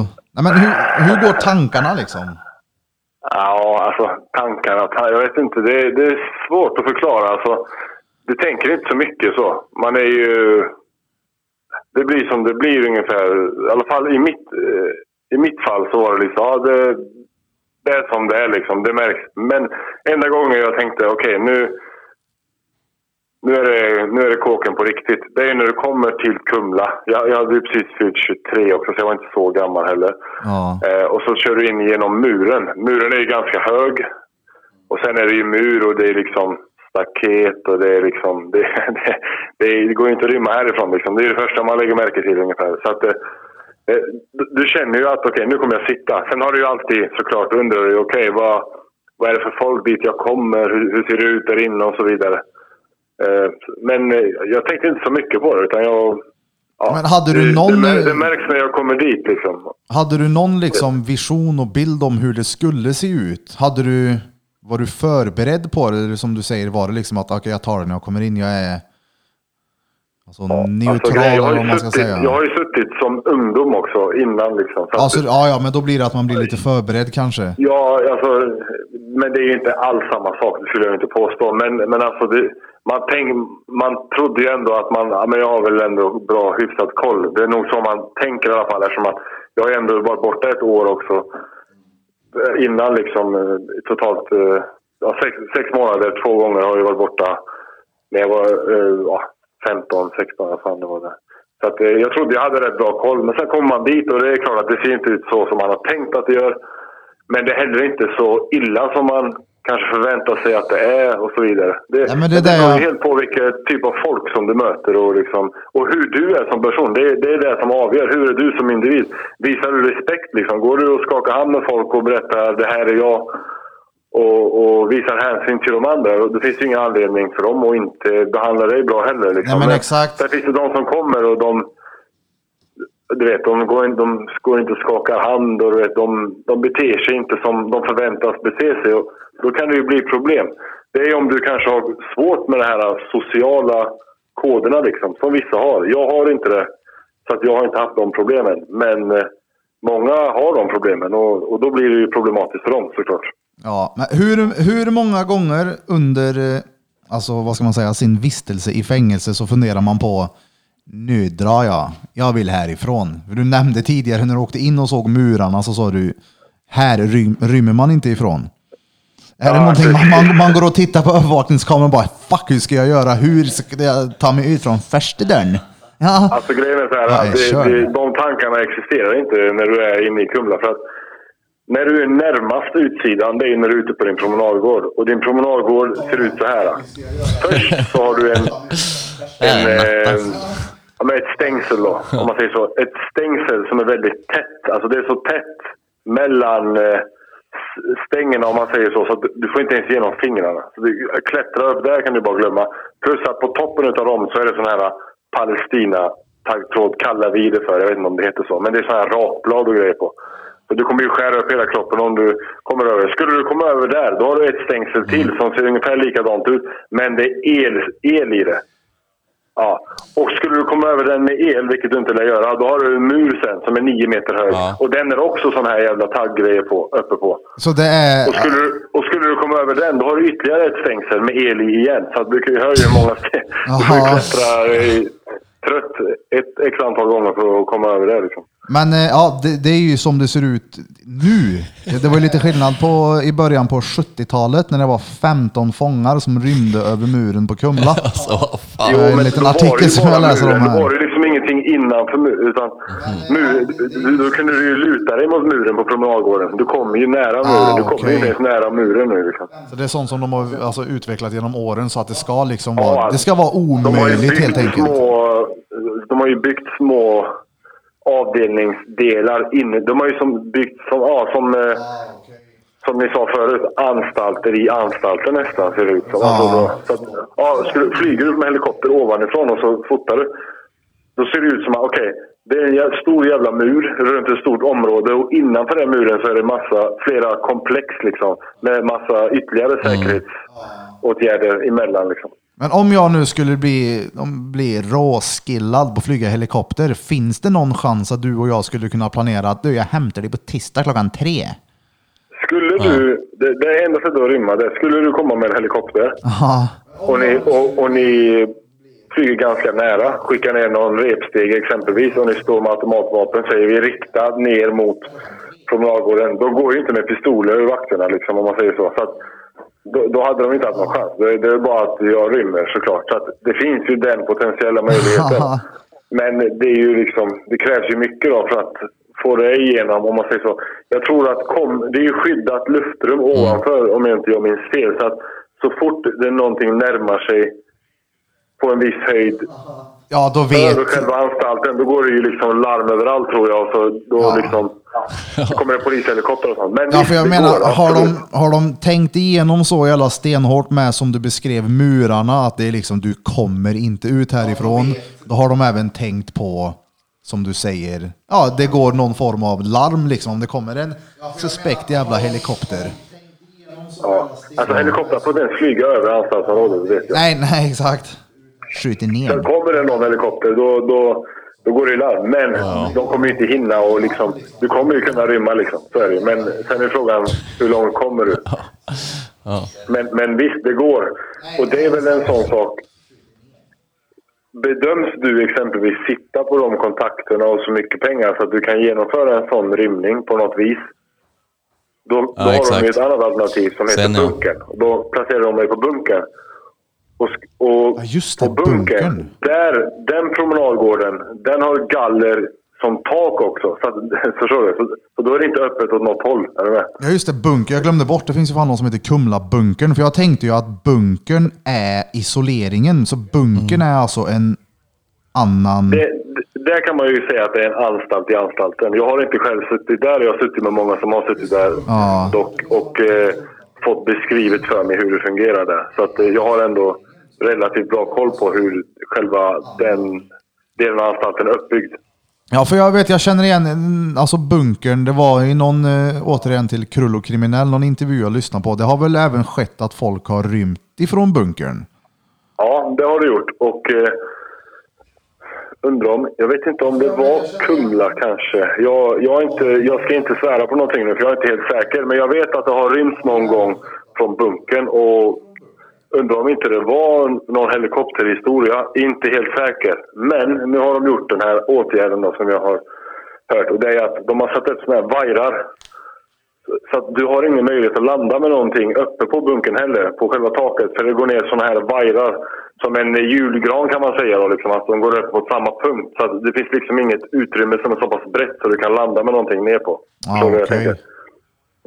Men du, du, att alltså det- bunkern, du menar att det finns en, alltså en bunker på andra anstalter också? Ja, det finns ju i Hall och det finns ju i... Nu ska vi se. För jag fattade som Jag att det fanns inte. enbart på Kumla. Jag har ju hört eh, alltså, ordet Nej, innan. det, så- jag vet att det finns, det finns på Hall, tror jag. Det kallas för Fenix, gör det. Den typ av avdelning. Fenix. Ja. Och det finns Fenix på Kumla, Hall och Saltvik, som jag vet. Sen kanske det finns på Tidaholm och Norrtälje och Hällby också, men jag tror inte det. Ja, okej. Men alla de jag rabblar upp nu, det är i säkerhetsklass 1 då. Men jag tror att de tre som har bunker, jag tror det är Saltvik, Kumla och eh, Hall. All right. Hur funkar det? Hur, eller hur funkar det? Hur, vad är din åsikt då? För att det är just det här med kriminalvården. För det hör man ju mycket kritik emot. Just att folk är så här, men jag åker in och det var ingen vård. Jag kommer ut, eller det var värre när jag kom ut än när jag åkte in liksom. Förstår du vad jag menar? Ja, jag fattar. Ja, De säger ju... De påstår ju att de har vård. Alltså kriminalvården eh, säger ju att de har vård. Det är därför de heter kriminalvården. Men eh, då kan man ju ifrågasätta återfallsstatistiken som är extremt jävla hög. Så att det är ingen lyckad vård de kör med, är det inte. Såklart. Och det ligger ju såklart mycket hos individen själv ju. Alltså om man väljer att begå brott eller inte. Men eh, man kanske inte heller ger rätt förutsättningar heller. Alltså, om man säger så, jag har, jag har suttit med, i alla fall när jag har suttit på klass 2-anstalter då, som, där folk har lite kortare straff och såna här grejer. Då, det är ofta så att de ska ut i friheten, eh, de muckar om en vecka. De har ing, vet inte, har inget jobb att gå till, de har ingen bostad och vet, det är, vad vad ska den personen göra? Det är inte konstigt att den personen återfaller i brott. Nej. Det är inte så att han får hjälp med en lägenhet eller får hjälp med, med ett jobb eller via kriminalvården om man säger så. Utan när du, när du muckar då, då tar du din ryggsäck och drar ungefär. Och det spelar ingen roll vad du har för förutsättningar på utsidan utan det är så det ser ut. Jag måste bara få fråga, det- vad innebär alltså en klass 2? Klass 1, klass 2, Okej, klass 3. eh, Vad är skillnaderna mellan... Ja, det är ju säkerheten på dem. Och eh, klass 1 är ju högsta säkerhet. Klass 2 är ju näst högsta och sen klass 3 är ju lägsta säkerheten. Och det, klass 3 går ju även under namnet öppen anstalt. Ja, Men det är ju för att det är inga murar, det är inga staket och ingenting sånt runt. Utan du kanske har en fotboja exempelvis och måste hålla dig inom ett visst område. Eh, kommer du till klass 2 beroende på vilk, vilken två. Det, det finns hög och låg klass 2, men generellt på klass 2 så är det bara staket då, om man säger så. Ja, Dubbla okej. staket. Eh, sen finns det, ja, det finns, jag säger Österåker då, eh, klass 2, men de har ju en mur. Så jag tror Mariefred har mur också om jag inte minns fel. Så att det, det finns ju de som har murar också. Men det som skiljer klass 1 och 2 det är oftast att alla har ju mur. Alla klass 1 har ju mur. då. Så att det, det är liksom det är det som skiljer. Och sen så är det ju att folk som har längre straff är det ju ofta som är på klass 1. De som har lite kortare straff är ju på klass 2. Får du, över fy, får du fyra år eller, eller mer i Sverige, alltså du blir dömd till det, då hamnar du automatiskt på riksmottagningen som är på Kumlaanstalten. Det är en mottagning för alla som får längre straff. De ska alltså utredas där under ett par månader för att se vart de sen ska bli placerade. Då gör de lite bedömningar. Ja, han är hög risk säger vi. Han får stanna kvar på Kumla. Ja, han, är, han är inte så hög risk. Han får eh, åka till en klass 2 direkt. Ja. Ja, jag fick gå till Kumla då, om man säger så. Men där, där, det- där måste det ju vara, om du säger att klass 1 blir fyra år och över ish. Jag tänker på det här. Ja. Nisse som åker dit för ekobrott. Ja, Sitter han med eh, Kent som har tagit sju liv liksom? Nisse på ekobrott. Alltså, Nisse är en jävla bra kille. Nej, men, eh, Nisse som sitter för ekobrott, han, får han över fyra år så kommer han med högsta sannolikhet till riksmottagningen. Men han kommer vara där i två månader och sen kommer de göra bedömningen att han kan sitta på en lägre klass direkt efter. Han behöver inte avtjäna sin första del av straffet på en klass 1 förutom de här två månaderna till tre månaderna på själva riksmottagningen. Där han utreds vem han är. Åh fan. Ja, för det vore ju, alltså jag tänker så här, det är flera typer av olika liv folk har. Vissa är ju inte våldsbenägna och vissa kanske är jättevåldsbenägna och det vore ju konstigt Ja, om, men om det de skiter kriminalvården. De tänker så här, det skulle Nisse tänkt på innan han ville tjäna pengar. Så skulle de. Ja, det är klart. Han får skylla sig själv. Nisse får stå sitt kast, så enkelt är det. Ja, så skulle de tänka. Så det, det skiter ju de i, liksom, vem som om... Alltså om någon är farligare än någon annan, det är liksom... Det skulle du tänkt på innan ungefär.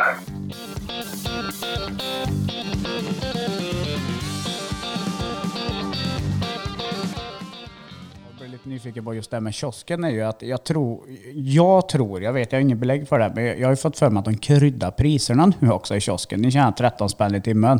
Och så här, ja men nu får du köpa dig en chokladbar för 45 spänn.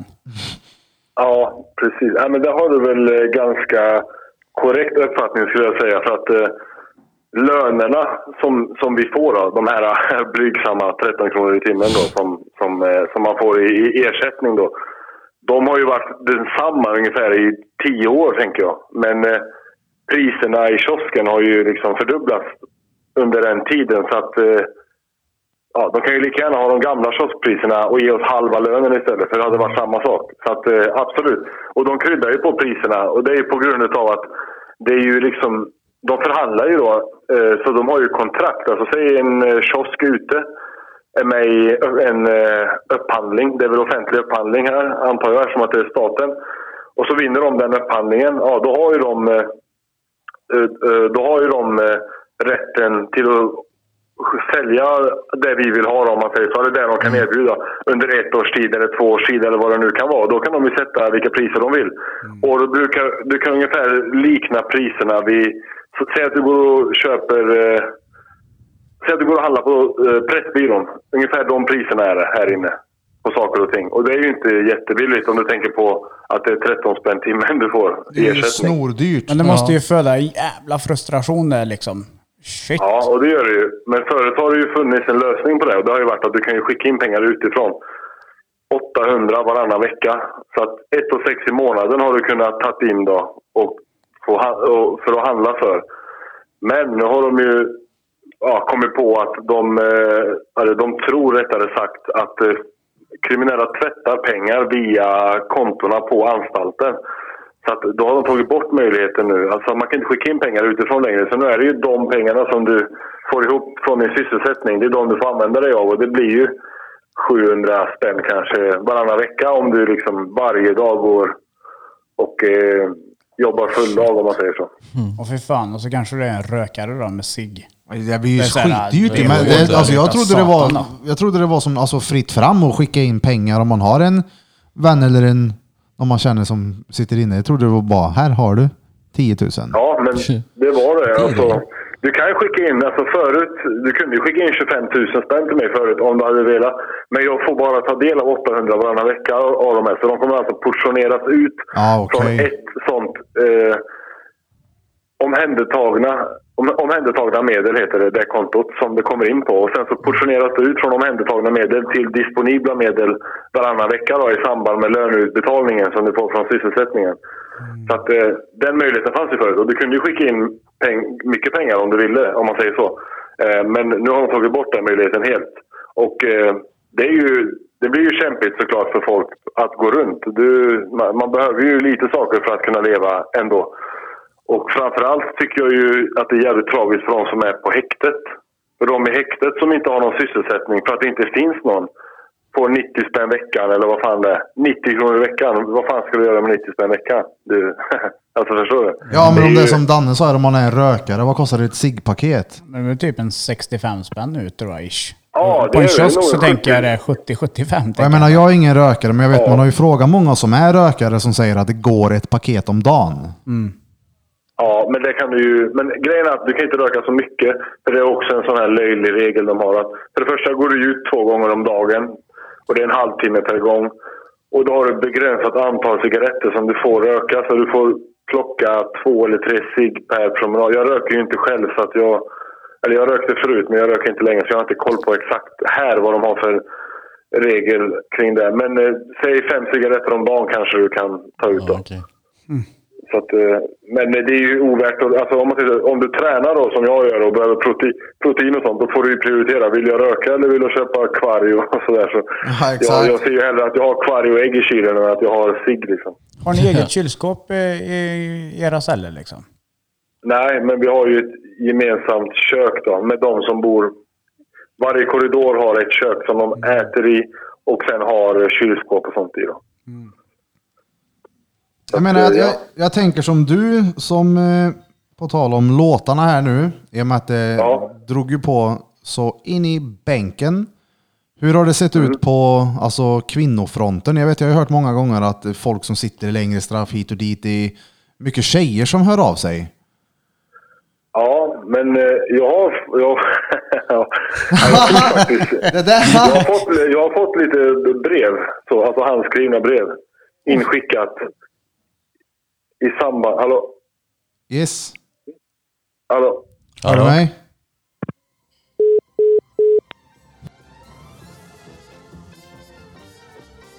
intagen inom kriminalvården för att acceptera tryck fyrkant.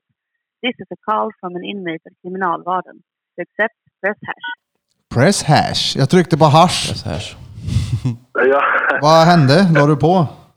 Nej, jag vet inte, det bröts gjorde det, men eh, det kan göra det om det blir för mycket ljud i bakgrunden. Alltså, när ni skrattar till det tror jag det var, så mm, uppfattar väl... Eh, ja, det, systemet uppfattar väl att du kanske försöker koppla vidare samtalet via en annan telefon. Eller. Ah, jag vet inte okej. riktigt, men det kan bryta sådär ibland. Men det är bara att ringa upp igen, så det är skitsamma. Ja, cool.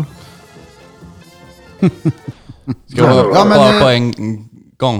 Ja, vi Ja. kör nu. Det, Ja, men eh, det här som var med vården, att du kände, alltså det här med återfallsförbrytare och grejer. Alltså att det är väldigt ho, alltså vanligt, eller jävligt vanligt. Vad hade du velat Mm. sett annorlunda, eller vad hade de kunnat gjort för er? tycker du? Alltså för att eh, förbättra kriminalvården ur, mitt, eh, ur min synpunkt. Exakt. Eh, Exakt. Jag skulle framförallt inte sikta så mycket på själva vården för att eh, det, de har ju sådana behandlingsprogram har de ju då, som folk går och... Ja, det är ju liksom de- tror ju knappt på dem själva skulle jag gissa, kriminalvården. Men jag tror att den bästa åtgärden för att eh, använda sig utav för att eh, förhindra återfall i brott hos eh, många individer i alla fall, det är att eh, ge någon typ av hjälp vid villkorlig frigivning, alltså när du muckar. Alltså att det finns någonstans för folk att ta vägen. Det kanske är folk som inte har något hem exempelvis. Mm. De kanske inte eh, har ett jobb exempelvis. Och så vidare. Det finns ju många grejer som, måste, som du måste ha i ett liv för att det ska fungera liksom normalt. Och eh, att de kan bistå med någonting av de grejerna. Kanske en bostad till att börja med. Att de hjälper till. Du får en bostad, provbostad. Funkar det så får du över kontraktet på dig själv. Kanske innan är det de som står på kontraktet. Det ska fungera, du visar framfötterna, du söker jobb aktivt och du uppfyller de kraven då kanske som finns för att få den här bostaden. Och när du har uppfyllt de kraven du ska göra, då tar du över kontraktet. Så att lite sådana saker. Eh, sådana liksom basic grejer du måste ha i ett liv. Liksom. Du kan ju inte bli skickad iväg med en väska på ryggen. Inga, inga cash på fickan, liksom ingen bostad att gå till. Och sen eh, ska eh, folk förvänta sig att du är rehabiliterad och du, du löser det här. Ja, det måste ju Det bli jävligt problematiskt om man har gjort tid. Jag vet inte, alltså om man har varit borta i flera år och vi... Man har haft rutiner på det här sättet och du, som du säger, du får en resväska. Bara här, nu är du i Hälleforsnäs. Gör något med ditt liv. Och jag menar, kan du inte... Är du institutionsskadad och du har suttit bakom lås och bom i flera år, det måste ju vara riktigt svårt. Jag Jo, trodde det. Och, och, Jag trodde det, att det fanns... Jag, men jag, var, jag var helt övertygad nu innan du sa detta, att det fanns typ utslussningslägenhet så att man får, du vet, och kanske någon praktikplats på något jobb eller något. Jag var helt Jo, men övertygad. det, det är en annan sak. Det, det är två skilda saker, men jag kan förklara skillnaderna mellan dem. Nu pratade jag om åtgärder som borde finnas från kriminalvårdens sida vid frigivning, alltså när du blir fri från ditt straff. Alltså när du har gjort två tredjedelar av den tiden du är dömd till. Eh, utslussningsåtgärder, det finns det också någonting som heter. Och det kan du få under ditt straff, säg sista sex månaderna av din tid du ska sitta. Då kan du få komma till en lägenhet eh, eller ett halvvägshus eller vad det nu kan vara. Alltså, du är, bor i en lägenhet och har en boja kanske kopplad till lägenheten och någon som tittar till dig. Men det är bara under strafftiden. Sen när strafftiden är slut, då är du på egen hand. Och vad fan ska du göra då? Om du inte har något? Alltså, nu talar jag inte från mitt eget Ja, du perspektiv. menar, ja, nu jag, är jag ju, med. Ja. jag, jag, jag har ju familj och, och sådär och liksom, eh, jag har väl ändå... Jag har ju bättre ordnat för mig än många andra säkerligen. Liksom. Men jag har ju sett många fall där att folk vet inte vad de ska, vart de ska ta vägen. Och det enda de tänker, jaha det är vinter snart. Jag kanske får gå ut och göra något brott så jag får komma in i värmen. Alltså, ska det behöva vara så i ett samhälle? tycker jag är sjukt faktiskt. Och, och det är inte konstigt. Varken du, jag eller, eller varken någon av er eller jag eller Polismyndigheten eller Kriminalvårdsmyndigheten. Ingen av oss kan ju liksom blamea han för att han gör någonting alltså kriminellt. Vad fan ska han göra? Ska han svälta eller ska han gå och, gå och sno eller göra ett inbrott? Eller, alltså, det, det är- logiskt att han gör som han gör även om det inte är rätt enligt lagens mening. Exakt. Så, Nej, men det köper men- jag ju helt. Får man inte hjälp och har ingenting, alltså har ingenstans att ta vägen. För alla har ju inte samma förutsättningar med kanske en morsa eller farsa som har ett hus någonstans och ett rum och svågern äger en eh, kiosk du kan extra knäcka på eller vad fan det nu än är. Har du inte de alltså, förutsättningarna så måste det ju vara ja, otroligt svårt. ja, men det är ju att frysa ihjäl eller, eller få mat i magen liksom. Ja men exakt. Ja, alltså det låter ju lite så nu. Så här, ja men vad gnälligt. Men alltså, det är inte från mitt eget perspektiv. Jag har inte problem med de här sakerna jag diskuterar om. Utan, men jag pratar från andra människor nu och det är sånt jag har sett och jag har upplevt. Ja. Och jag har till och med träffat på folk än en gång. De har kommit, under, under samma tid jag har varit på en avdelning har de kommit till den avdelningen en gång till. På grund av att de gick ut, gjorde ett brott och kom in igen. Och det är ju på grund av att de har ingenting där ute. De har ingen familj. De Ja. har alltså, ingen närstående alls som, som eh, de kan ha kontakt med, som de kan få någon hjälp av. De kanske får lite pengar av socialtjänsten. Då ringer SOS. De kanske får någon, några tusen in på något jävla konto. Men de har fortfarande ingenstans att bo. Var fan ska de ta vägen? Och eh, till slut så kan du ju få hjälp via socialtjänsten då, som jag har förstått, med bostad och sånt. Men då ska du ju helst vara uteliggare först i tre månader. Och vem fan kan vara det på en vinter? Alltså, Ja, fy fan. och de här problemen, det, det är ju framförallt för folk som sitter på... Det, det är de som har lite lägre straff, som sitter på lite lägre säkerhetsklasser. Det är ofta de som har den här problematiken, för det ligger ju ofta missbruk och sånt bakom också. Men det spelar ingen roll, de är ju människor de också. De måste ju få en chans. Men man ger ju inte dem en chans om man inte ger dem någon jävla förutsättning. Liksom. Men Det- om man, alltså med under själva strafftiden där då, om man nu liksom, vad vi, säg att du är en snubbe som inte har de här för du har ingenting, skit när du kommer ut. Men om du liksom fullföljer allting som kriminalvården liksom ber dig om att göra, om det nu gäller att gå på sysslor, det gäller att du ska gå till, inte fan vet jag, någon att prata med, ventilera lite, någon psykolog eller någonting, och du ska gymma och du ska laga mat Ja. om man sköter allt det där exemplariskt är det liksom samma sak oavsett hur, alltså spelar Ja, själva alltså det, tiden. Det är samma sak oavsett. För att, grejen är så här. Då ringer du. Att du kan ha skött dig hur bra som helst. Det kan ha varit alltså, mönsterfångare i kriminalvårdarnas ögon. Vilket inte är en bra, bra grej. Men, Ja. men okej, det är bra från deras perspektiv. Så då borde ju de ju ge den personen fördel. Men då är det så här. När du väl ska mucka sen. Så säger du, jag behöver hjälp med en lägenhet. Ja, men vi är kriminalvården, vi är, ingen, vi är inget bostadsbolag. Du får ringa till SOS. Och sen så ringer de till SOS och så frågar de SOS om lägenhet. Då säger de, men vi är heller inget bostadsbolag. Vi kan ge dig ekonomiskt bistånd, men du får hitta en lägenhet själv. Okej, men hur ska du hitta en lägenhet själv när du är inne i en anstalt som är låst och du kan inte ringa ut? Nej, alltså, du förstår ju. jag kan Det blir relatera. moment 22. Jag, har en, jag kan fatta vad du menar. Alltså det är, när man söker hjälp sådär av alltså med myndigheter eller fängelse eller vad det nu än är. Jag har en eh, liknande situation. Jag har en kompis som är, vad är han? Han är kurd ifrån Syrien.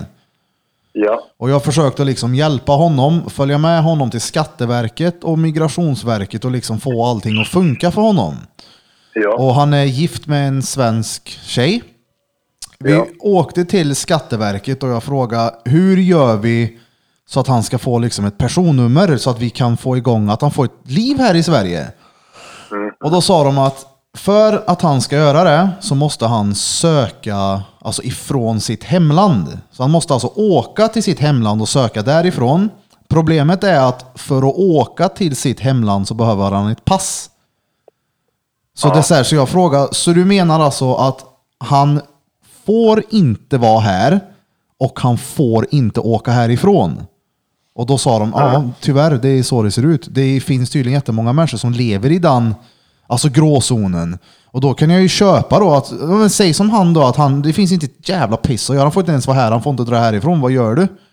Då kanske det Men det är blir... också moment 22. Det är lite samma sak som, eh, som jag pratade om där. Alltså det, det finns liksom ingen utväg helt enkelt. det, Ja, det är jättekonstigt Det- att... Eh, men hur, Ja. hur, vad gör man? Vad, vad tänker du med, hur hjälper man en sån person? Det, det måste ju vara socialtjänsten som får gå in och liksom garantera att ja, men nu har du, du har en lägenhet här och du har en praktik, men då ska du uppfylla vissa krav. Eller hur hade man gjort det? Ja, men socialtjänsten, då är ju inget bostadsbolag som man säger. utan De bistår ju inte med lägenheter utan de kan ju kanske gå in med någon hyresgaranti eller eh, ekonomiskt bistånd och uppehäll och så vidare. Men de kan ju inte... De kommer inte ordna en lägenhet. Men jävlar vad skumt ändå. Det har jag inte tänkt på innan att det funkar på det här sättet. Jag menar om man blir utsläppt, bara, ah, har det gött, hej. Du har ju inga... Ja, nu pratar jag ju om, om fångar då. Nu vet jag inte hur det funkar i ditt fall här med din vän. Nej, Det nej, nu, exakt. andra- Nu tänkte jag, nu har jag hoppat därifrån, nu tänkte jag på, som du pratar om ifrån anstalten. Mm. Att det, det är jävligt konstig situation. Ja, det, det är mycket märkligt. Jag menar, jag kan, tycka att det, jag kan tycka att det är svårt nog vissa dagar med att man sitter där och bara shit, jag är fan hungrig. Vart ska vi gå och äta? Det kan vara ett problem. Men alltså, i sätta sig i den situationen, det är ju... Men det är det som kallas för ilandsproblemet. Ja, ja, exakt. Ja, det är det man Ja. kallar dem.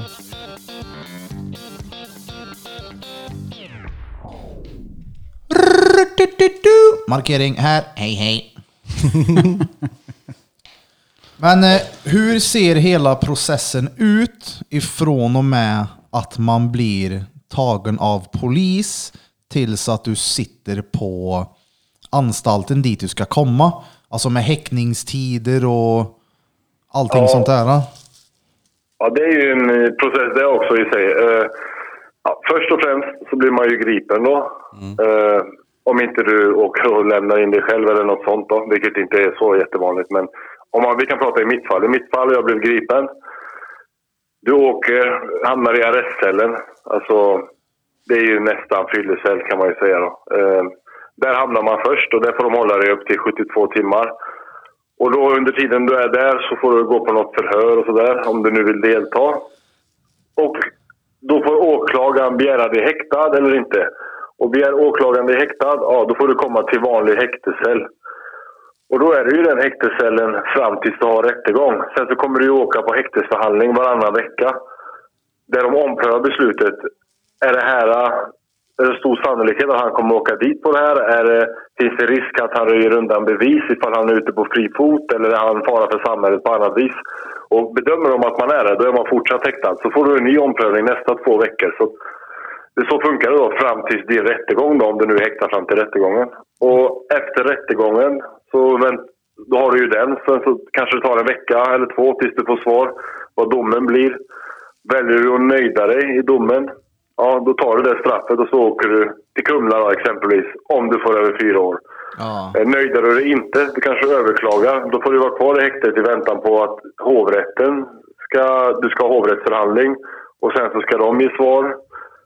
Och när du har fått hov, eh, hovrättens svar, då kanske du vill söka överklagan till Högsta domstolen, vilket, och de brukar inte ta, alltså de kanske tar ett på 2000 fall eller någonting som de tar upp då. Då ska det vara något ex exceptionellt. Men det blir ju en lång process för det tar ju ofta väldigt lång tid för utredarna också innan det blir rättegång. Jag har ju själv suttit med en individ, behöver inte nämna han vid namn, en, en mycket bra äldre man som eh, fick 14 års fängelse för eh, större narkotikamål.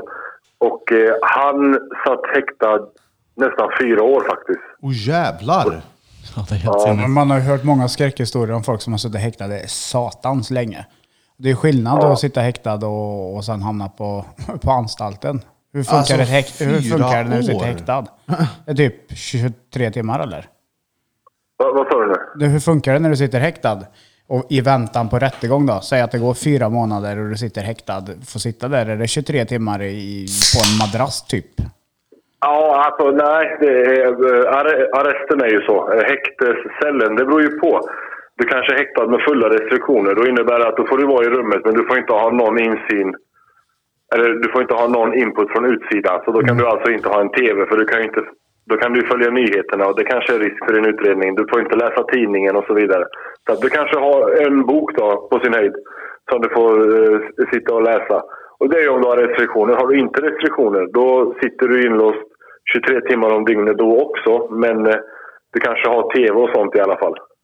Så det, där. Det, det, är ganska, det påminner ganska mycket om eh, att sitta i isoleringen på en vanlig anstalt. Det, Men- det är ganska snarlikt. Men Så- jag tänkte att precis häkt- säga det. Sa du att häkte och isoleringen var typ samma sak?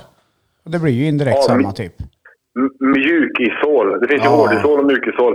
Hårdisol det kan du jämföra med arresten eller fyllecell kan man säga. ja. Eh, Mjukisol kan du jämföra med häkte då, vanlig häktescell. Ja, för jag har varit i en sån fyllecell en gång när jag var 18 års åldern där, full och dum. Då fick Ja. jag ligga på en gul liten eh, galonmadrass. Och det är enda bilden jag har. Jag tänkte att så ser häkte ut. Ja, nej, så ser inte en vanlig häktescell ut. Nej, Ja, okej. det gör den inte. Eh, den ser... du, du har ju en säng, alltså om man säger så, du har ju lite möbler inne fastskruvat liksom då, i, alltså fastmonterat i väggar och så vidare. Så det, det är ju som ett rum, det är en säng, det är ett skrivbord, det är en hylla du kan lägga upp dina kläder på. Ja, det, det är ungefär så det ser ut. Så det, det är sju kvadrat ungefär. Så, att, eh, så, så ser det ut. Men det är ju problematiskt eh, att de har så extremt långa häktestider. Jag tycker att det borde finnas någon begränsning på hur lång tid får en utredning ta. Nu har jag sett att de äntligen har börjat ta tag i det här och de pratar väl på nio månader tror jag för, eh, för vuxna då, om man säger så, sitta i häktade som längst. Och tror att det var sex månader för de som är under 18 om jag inte minns fel. Och det är Men väl alltså- bra att de gör någon ändring. Alltså nio månader isolerad, alltså med sig själv. Och inte Ja. få göra ett skit. Jag menar som du sa, du får en bok och en galonmadrass. Du kanske får en säng då, men skitsamma oavsett. Alltså, det måste ju vara fan så mycket bättre att göra till exempel alltså fem år på en avdelning med vänner än sitta nio månader med en bok. Alltså, det känns nog Det, det måste ju... Ja, Jag alltså menar, det, det är det, så här- är så här, eh, nu kan jag bara prata från egen upplevelse. Då. Jag kan inte prata för andra, för att det, det får ju andra svara för. Men jag personligen tycker att i början när du sitter häktad, då är det jävligt segt. För att eh, det är ju du med dig själv, dina tankar och ingenting annat ungefär. Så det blir ju väldigt mycket reflektion. Du, du reflekterar över saker du aldrig har hunnit reflektera över förut. Ja. Och, eh, och det blir ju extremt ensamt. Så att första månaderna tycker jag det är segt. Men när du har varit ett par månader i häktet, då får du ändå in den rutinen också. Så då börjar tiden rulla på. Men absolut så är det ju segare än att sitta med folk såklart. Man behöver ju det här sociala. Liksom. Det kanske, var, det. kanske var krydd att jämföra nio månader Fem med fem år, men ni fattar ja. vad jag menar, Ja. själva grejen. För att jag menar, och inte ha ett... Ja. Du, du behöver fan det sociala för att vara... Alltså det kanske är skitnyttigt till en början att få landa och få vara med sig själv en stund, men sen... Jag vet inte, jag har inte varit i sitsen själv nej, så... jag tror det är alltså... Och det lär ju finnas många där ute som har suttit häktad en stund på grund av att det, det har tagit tid, som sen blir Och friade oskyldigt också. Alltså, ja, exakt. Ja, men du vet, som är oskyldigt, friade och det måste ju stöka till ett lite i hjärnan. Och så kommer du ut och säger, ja men knappt någon ersättning alls. Ja men ni fuckar upp mitt liv liksom. Ja, för jag vet, alltså, jag var ju med om en incident när jag hamnade på sjukhuset för inte så jättelänge sedan. Alltså det var ju ingen tid alls. Jag var borta liksom i fem dagar. Det är ju ingenting, men jag var ändå... Det var liksom, jag var bara själv. Det var ju liksom, jag menar på den lilla tiden så kunde jag reflektera jävligt mycket. Och tänka Ja, annorlunda om saker och ting. Är det ju, och bara Ja, men på så kort tid liksom. Det var bara fem dagar, det är ju ingenting. Och då hade du väl ändå mobiltelefon och... Ex ja, exakt, då hade jag mobiltelefon så jag kunde ligga och snappa med folk. det- Men då, du vet, så här, jag kände att jag bara säger shit vad jag saknar det här och jag vill göra det. Jag kan inte sätta mig i sitsen med och inte ens ha en telefon. Och det måste ju vara jävligt psykiskt påfrestande. Ja, det är ju speciellt och framförallt så strider det ju mot mänskliga rättigheter. För, alltså, Europadomstolen har ju alltså kritiserat Sverige brutalt länge kring de här häktestiderna och, och eh, gjort liknelser med tortyr. Liksom. Så att det, det är ju, finns, andra länder ser ju också på det som Men vad har... en eh, väldigt dålig sak. För det påverkar ju folk psykiskt att vara så länge inlåst med sig själv. Alltså det, det är ju inte hälsosamt för kroppen. Du, du mår ju inte bra av det i slutändan. Liksom. Vad har de andra länderna för eh, alltså, häktningstider då, jämfört med... Ja, jag har inte riktigt koll på det, men, jag, men eh, som jag har hört i alla fall så Norge, i Norge som jag har hört, vi, ja, det, det får man ju också faktagranska då i så fall om man eh, vill fördjupa sig i det. Men som jag har hört att där när du är häktad, då är du häktad inne i en anstalt. Alltså du är bland folk, är du med? Ja. Så det är som att du sitter i fängelse fast du vet inte, du har inte fått din dom än Det är häktningstid bara liksom. Ja, precis. precis. Så att det- är som att du sitter på kåken fast det, är häktestiden som går, om man säger så. Och de har säkert eh, att de kan låsa in det i häkte, häkte också, men jag tror att det är en väldigt kort eh, period. Alltså det, det, det är inte mer än ett par månader max, alltså. det, det tror jag inte. Så att det, det skiljer ju sig ganska mycket, men det är ju också... Sverige är ju ett eh, bra land på många sätt naturligtvis, men, eh, men där brister de ju, bland annat. Och även de här, eh, de får ju betala böter också årligen enligt vad ryktena säger i alla fall, kring de här äh, Palestina-taggtrådarna som de har på fängelset, på alla, på alla staketen. De får inte ha de rakbladsformade trådarna egentligen, men de väljer att ha det och betala böter istället för att ha någonting som är godkänt att ha. Åh Och det är också konstigt. Och sen har vi ju en annan grej som vi måste ta med här också, som jag tycker är viktigt att eh, det kommer fram. Eh, barnkonventionen är ju någonting som ska följas. Ju. Och det innebär ju att man ska alltid se till barnens bästa. Ja. Ja, och då kan du tänka så här då, att när du sitter på Kumla, du vill ringa och prata med ditt barn kanske. Du, helst vill man ju ringa varje dag såklart. Och hur mår du? Har det gått bra i skolan eller vad det nu kan vara? Eh, då har de ju det här systemet, uråldriga, uråldriga systemet att du kan bara få godkänt och ringa ut till någon som har analog hemtelefon.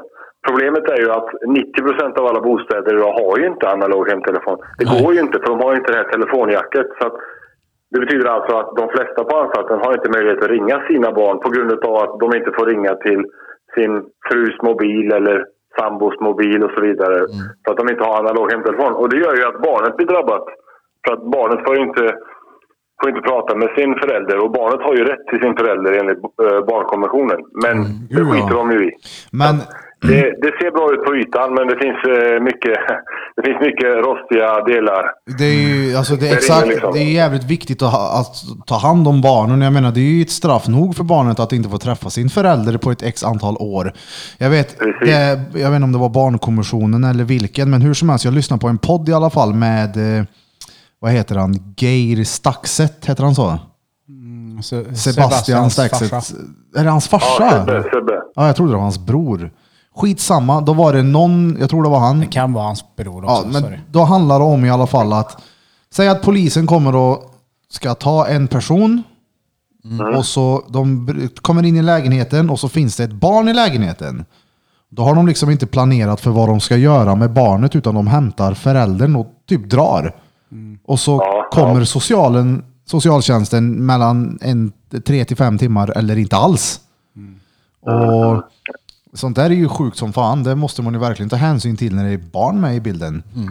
Jag tänker men på det, det. det är för jävligt. Eh, Alltså, barnen är ju oskyldiga i allt det här och de ska ju absolut inte bli drabbade mer än vad de redan har blivit. Liksom. Så att det, det, är ju, det är ju fruktansvärt. Och eh, det tråkiga är ju att det ska ju se väldigt bra ut på ytan. Så. Sverige vill ju ha den här goda självbilden Ja. eh, inför omvärlden. Men sen i praktiken så, så är, är det inte så bra egentligen som, som man vill framhäva att det är.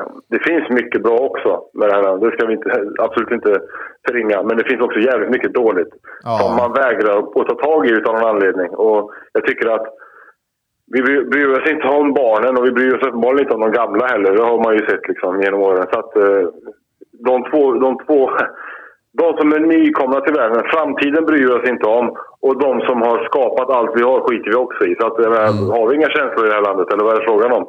Men det är sjukt. Man börjar ju fundera faktiskt. Men det är väldigt, väldigt många också som sitter häktade, för att återgå till det där, som, in, som, är, som är oskyldigt häktade och oskyldigt dömda. De har ju också, jag menar, skulle de komma och hämta Birra här idag och häkta han här för han är misstänkt för något som han blir friad över. Jag menar, vem tänker på, på Lea liksom? Ja. Allt annat runt omkring, det, det sopar de under mattan och bara, nej men det låtsas Ja, ja, som nej, att det nej, inte det är finns. ju, de, de kommer ju inte ge henne någon ersättning nej. För, att, eh, för att hon inte har haft någon pappa. Liksom, utan det är det jag Mm. menar. De- skiter ju i det. Däremot så sitter du häktad och du blir friad så får du ersättning för den tiden. Men det spelar ingen roll. Man kan inte köpa frihet. Liksom. Det, det, Men hur, det går fun inte. hur funkar Man det kan då? inte sälja tid av sitt liv. Liksom. Det, det funkar inte. Det är för mycket är den värt. psykiska ohälsan som far med också. Den går ju inte att reparera bara för att heller. Nej, Liksom. det, absolut inte. Det, Men hur skulle till exempel, lek med tanken då, det blir som Danne säger, jag blir häktad för någonting, vad det nu än skulle kunna vara. Jag har spelat för mycket Fireplace 4K på min tv här hemma, det är inte okej. De kommer att hämta mig, håller mig ett halvår och jag har inte haft pengar till ett skit och hamna hos Kronofogden. Alltså skulle en sån sak hända, då är det ju verkligen fukt. Ja, och ja. säg att du då inte har gjort det ja, som du är misstänkt för. Hur funkar sånt? Jag menar, säg att du nu får en prick hos fogden. Tas den bort med en gång när du blir friad eller hur Du, kom, funkar du, sånt? kommer ju få, du kommer ju få ersättning för alltså, kanske alltså, arbetsersättning du gått miste om och eh, även sved alltså psykiskt lidande också kommer vi säkert få lite för också. Ja. Men de kommer ju inte ringa fogden och säga stryk hans prick. Den är ju där. När den är där så är den där. Det, det kan inte de göra någonting åt. Så att, Den är kvar du alltså? blir ju inte, du, ja, ja, du, du blir ju inte liksom rentvådd utan här du får en slant liksom, eh, var glad för den ungefär. Så, Men det, är ju, det gör ju också att det är bara Birra i detta fallet av det hypotetiska här nu som får det. Resten kring han får ju inte ett skit. Nej, nej, nej, nej, gud nej. De får bara, de får bara förlika sig med oj då, det blir lite fel här. Ja, Ja, fan, det, är var- fucked det, up. ja, exakt. Ja, det var ju tråkigt. Men vi Ja. får försöka bättra oss till nästa gång. Ah, Ja, exakt. fan. Nej, det, det finns mycket... Det finns mycket, mycket negativt att säga kring, kring, kring, kring, kring eh, kriminalvården och rättsväsendet överlag. Absolut. Liksom. Det, det ska vi inte göra det här till någon snyfthistoria här. Liksom. Utan har man gjort någonting och åker dit för det, då är det bara att ta den på bröstet och göra voltan. Liksom. Inte sitta och gnälla. Utan, men eh, som sagt, eh, man måste ju ändå... Ja, man måste ju ändå vara mån om eh, allt runt om. Menar, det måste vara mån om, okej om, en, om eh, en person sitter i fängelset, hur gör vi så att barnet lider så lite som möjligt på grund av det?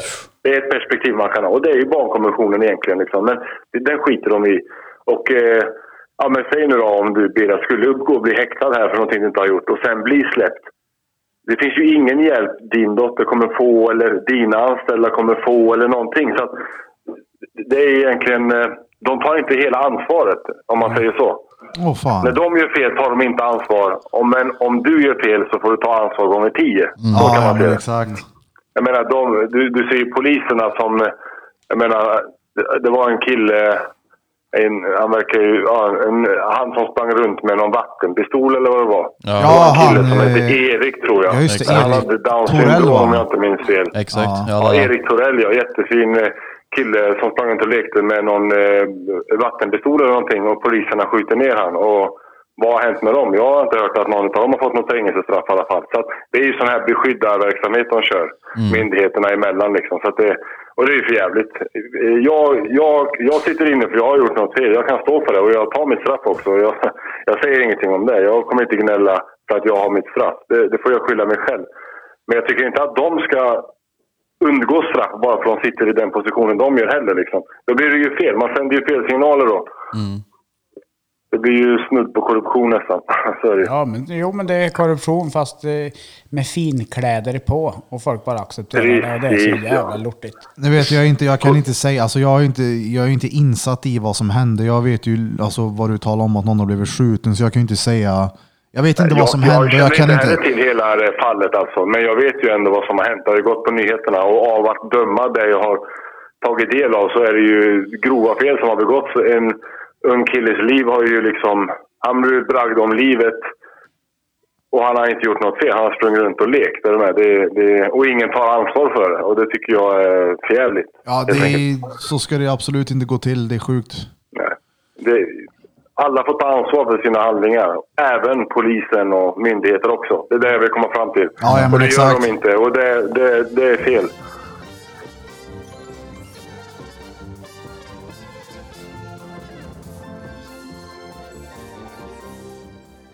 Yes, då är det ju, det är ju inte länge kvar på ditt straff nu. Jag förstod det som att du Nej. kommer hem den eh, 24 december i år. Ho, ho. Ja, det Ja, det, det, det är jag som är jultomten i år. Ja, du kom, kommer ner genom skorstenen.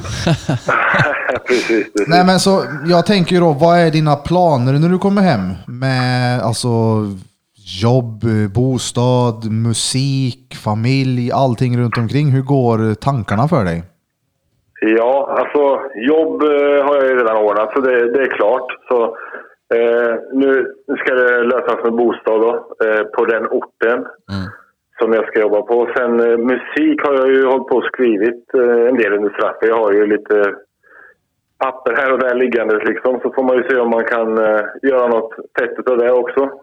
Hoppas jag jag ska kunna komma igång med något sånt också naturligtvis. Men framförallt, men jag, vill bara landa först. Det, det kommer vara... Ja, det var sex år sedan jag var ute liksom snart. Så att det, det, det, det blir en liten omställning. Men, det, eh, ja, alltså det, det finns ju, nu för tiden så finns ju appar på telefonen, vet du vad det är? Det fanns appar när jag var ute. det, Nej, men det är det var mycket inte som har... 1800-talet jag åkte in på. Men det är, alltså, jag kan tänka mig, det är ju svårt för mig att, alltså, låt säga, jag menar, allt som har hänt här i stan sedan sex år tillbaka, allt har ju bara flöt på. Jag har ju inte tänkt på vilka nya mackar, vilka nya sånt där. Man tänker Alltså på det, det när ser de ju bygger mycket upp annorlunda det. ut då. Alltså det har ju byggts mycket. Ja, men jag kan tänka, alltså, fan. jag kan inte säga hur det såg ut här i stan Nej. för sex år sedan. Nej.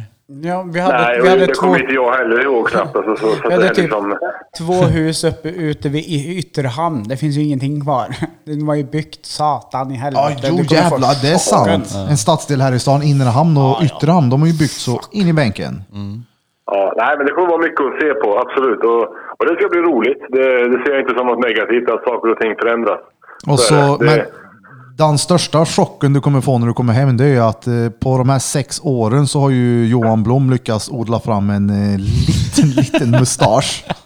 Nej, det, men det tror jag inte förrän jag ser det. Det, det, det kan ni inbilla mig hur mycket ni vill.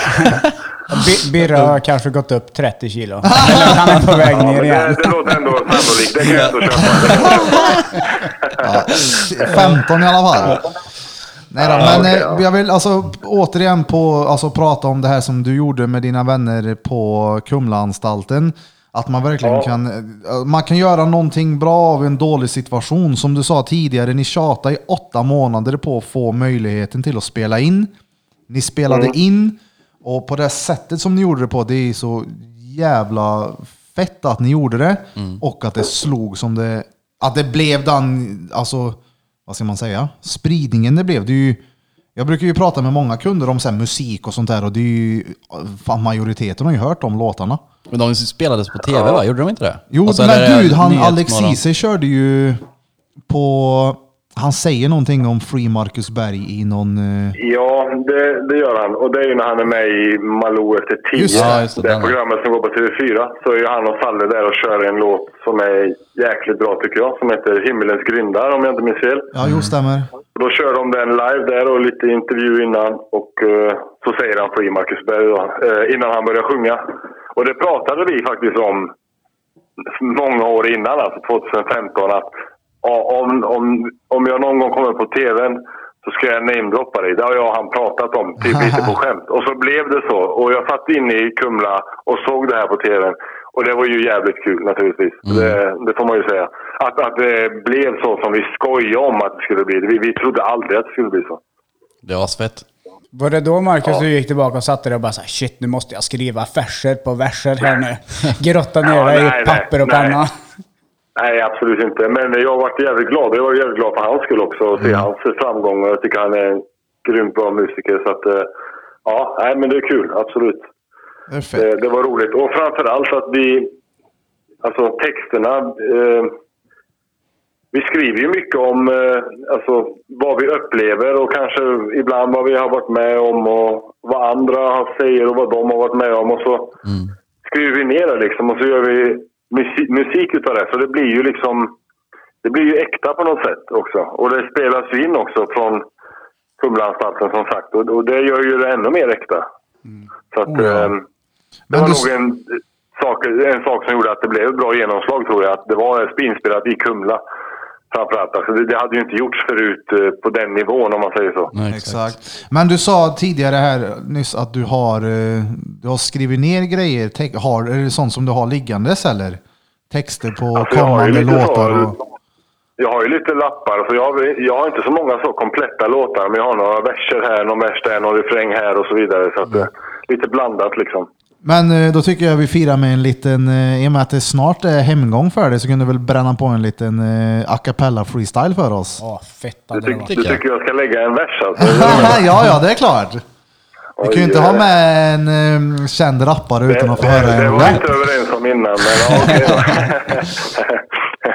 Nej, men vi kan göra så. Jag kan lägga en vers och så lägger jag en refräng till. Yes. Eh, jag ska bara förklara lite innan. Eh, versen jag kommer lägga, den, den, eh, det är sånt jag har skrivit inspirerat på vad folk inne i anstalten sitter för. Det finns ju väldigt många olika brott man kan sitta för. Så det är lite där jag beskriver i texten och vilka typer av människor man möter. Yes. Och sen även hur man ska bete sig när man är på kåken om man vill ha det bra med andra fångar. Ja. Så vi kör en vers och en liten refräng efter och så hoppas jag att du kan lägga på någon bra ljudeffekt sen på refrängen så att det låter som att jag kan sjunga lite åtminstone. Ja, ja. För rånat banken, annan här för kasset. Någon har mantat gunnen, tömt ett mark på någon och tagit ett liv. Någon är här för vanlig bucks och någon för smash and grab. Om du inte sitter för något knas så går du säkert här. Någon är här på kaffevolta, annan här för kassetjack. Någon är här för att de bröstar life och någon på kafferast. Någon är här för 100 key, någon är här för kuttat och någon har gjort ett pund i tron som genererat 100 kronor. Det är ingen 100 kronor får han stanna fett nej. Sitter på information här som jobbar Lexbase. Här kan du träffa allt från rövare till 100 gubbar, mördare och pundarungar, körare och dumma skurkar. Och alla dessa under samma tak ska leva samman. Vissa har varit keppa medan andra har varit feta grabbar. Många som undrar, de vill säkert veta varför. Men de som vet har varit på säkerhetsanstalter. Mannen, du måste bete dig. Antingen du sköter dina kort eller du packar ikväll. Grabbarna på kåken har regler. Om du inte rättar dig gillar det, du blir japt i din cell. Du blir butchad i cellen. Håll in det hundra som gäller. Ingen vet vad som händer. Tio man på sju kvadrat när det smäller. Ja, ja. Det är asfett. Ja, det, är alltså, det är Alltså, tvärbra. Jag, jag får ju såhär Danny M-feeling i- av Ja, refrängen. exakt. Jag hade sagt en blandning mellan Alex Ceesay, Danny M. Det är riktigt bra. Det är så sköna, vad heter det, flerstav. Ja, tjo, det är Marcus Berg här. Du lyssnar på Drottninggatan-podden. Mycket bra podd. Fortsätt lyssna. Vi ses snart igen. Hej då.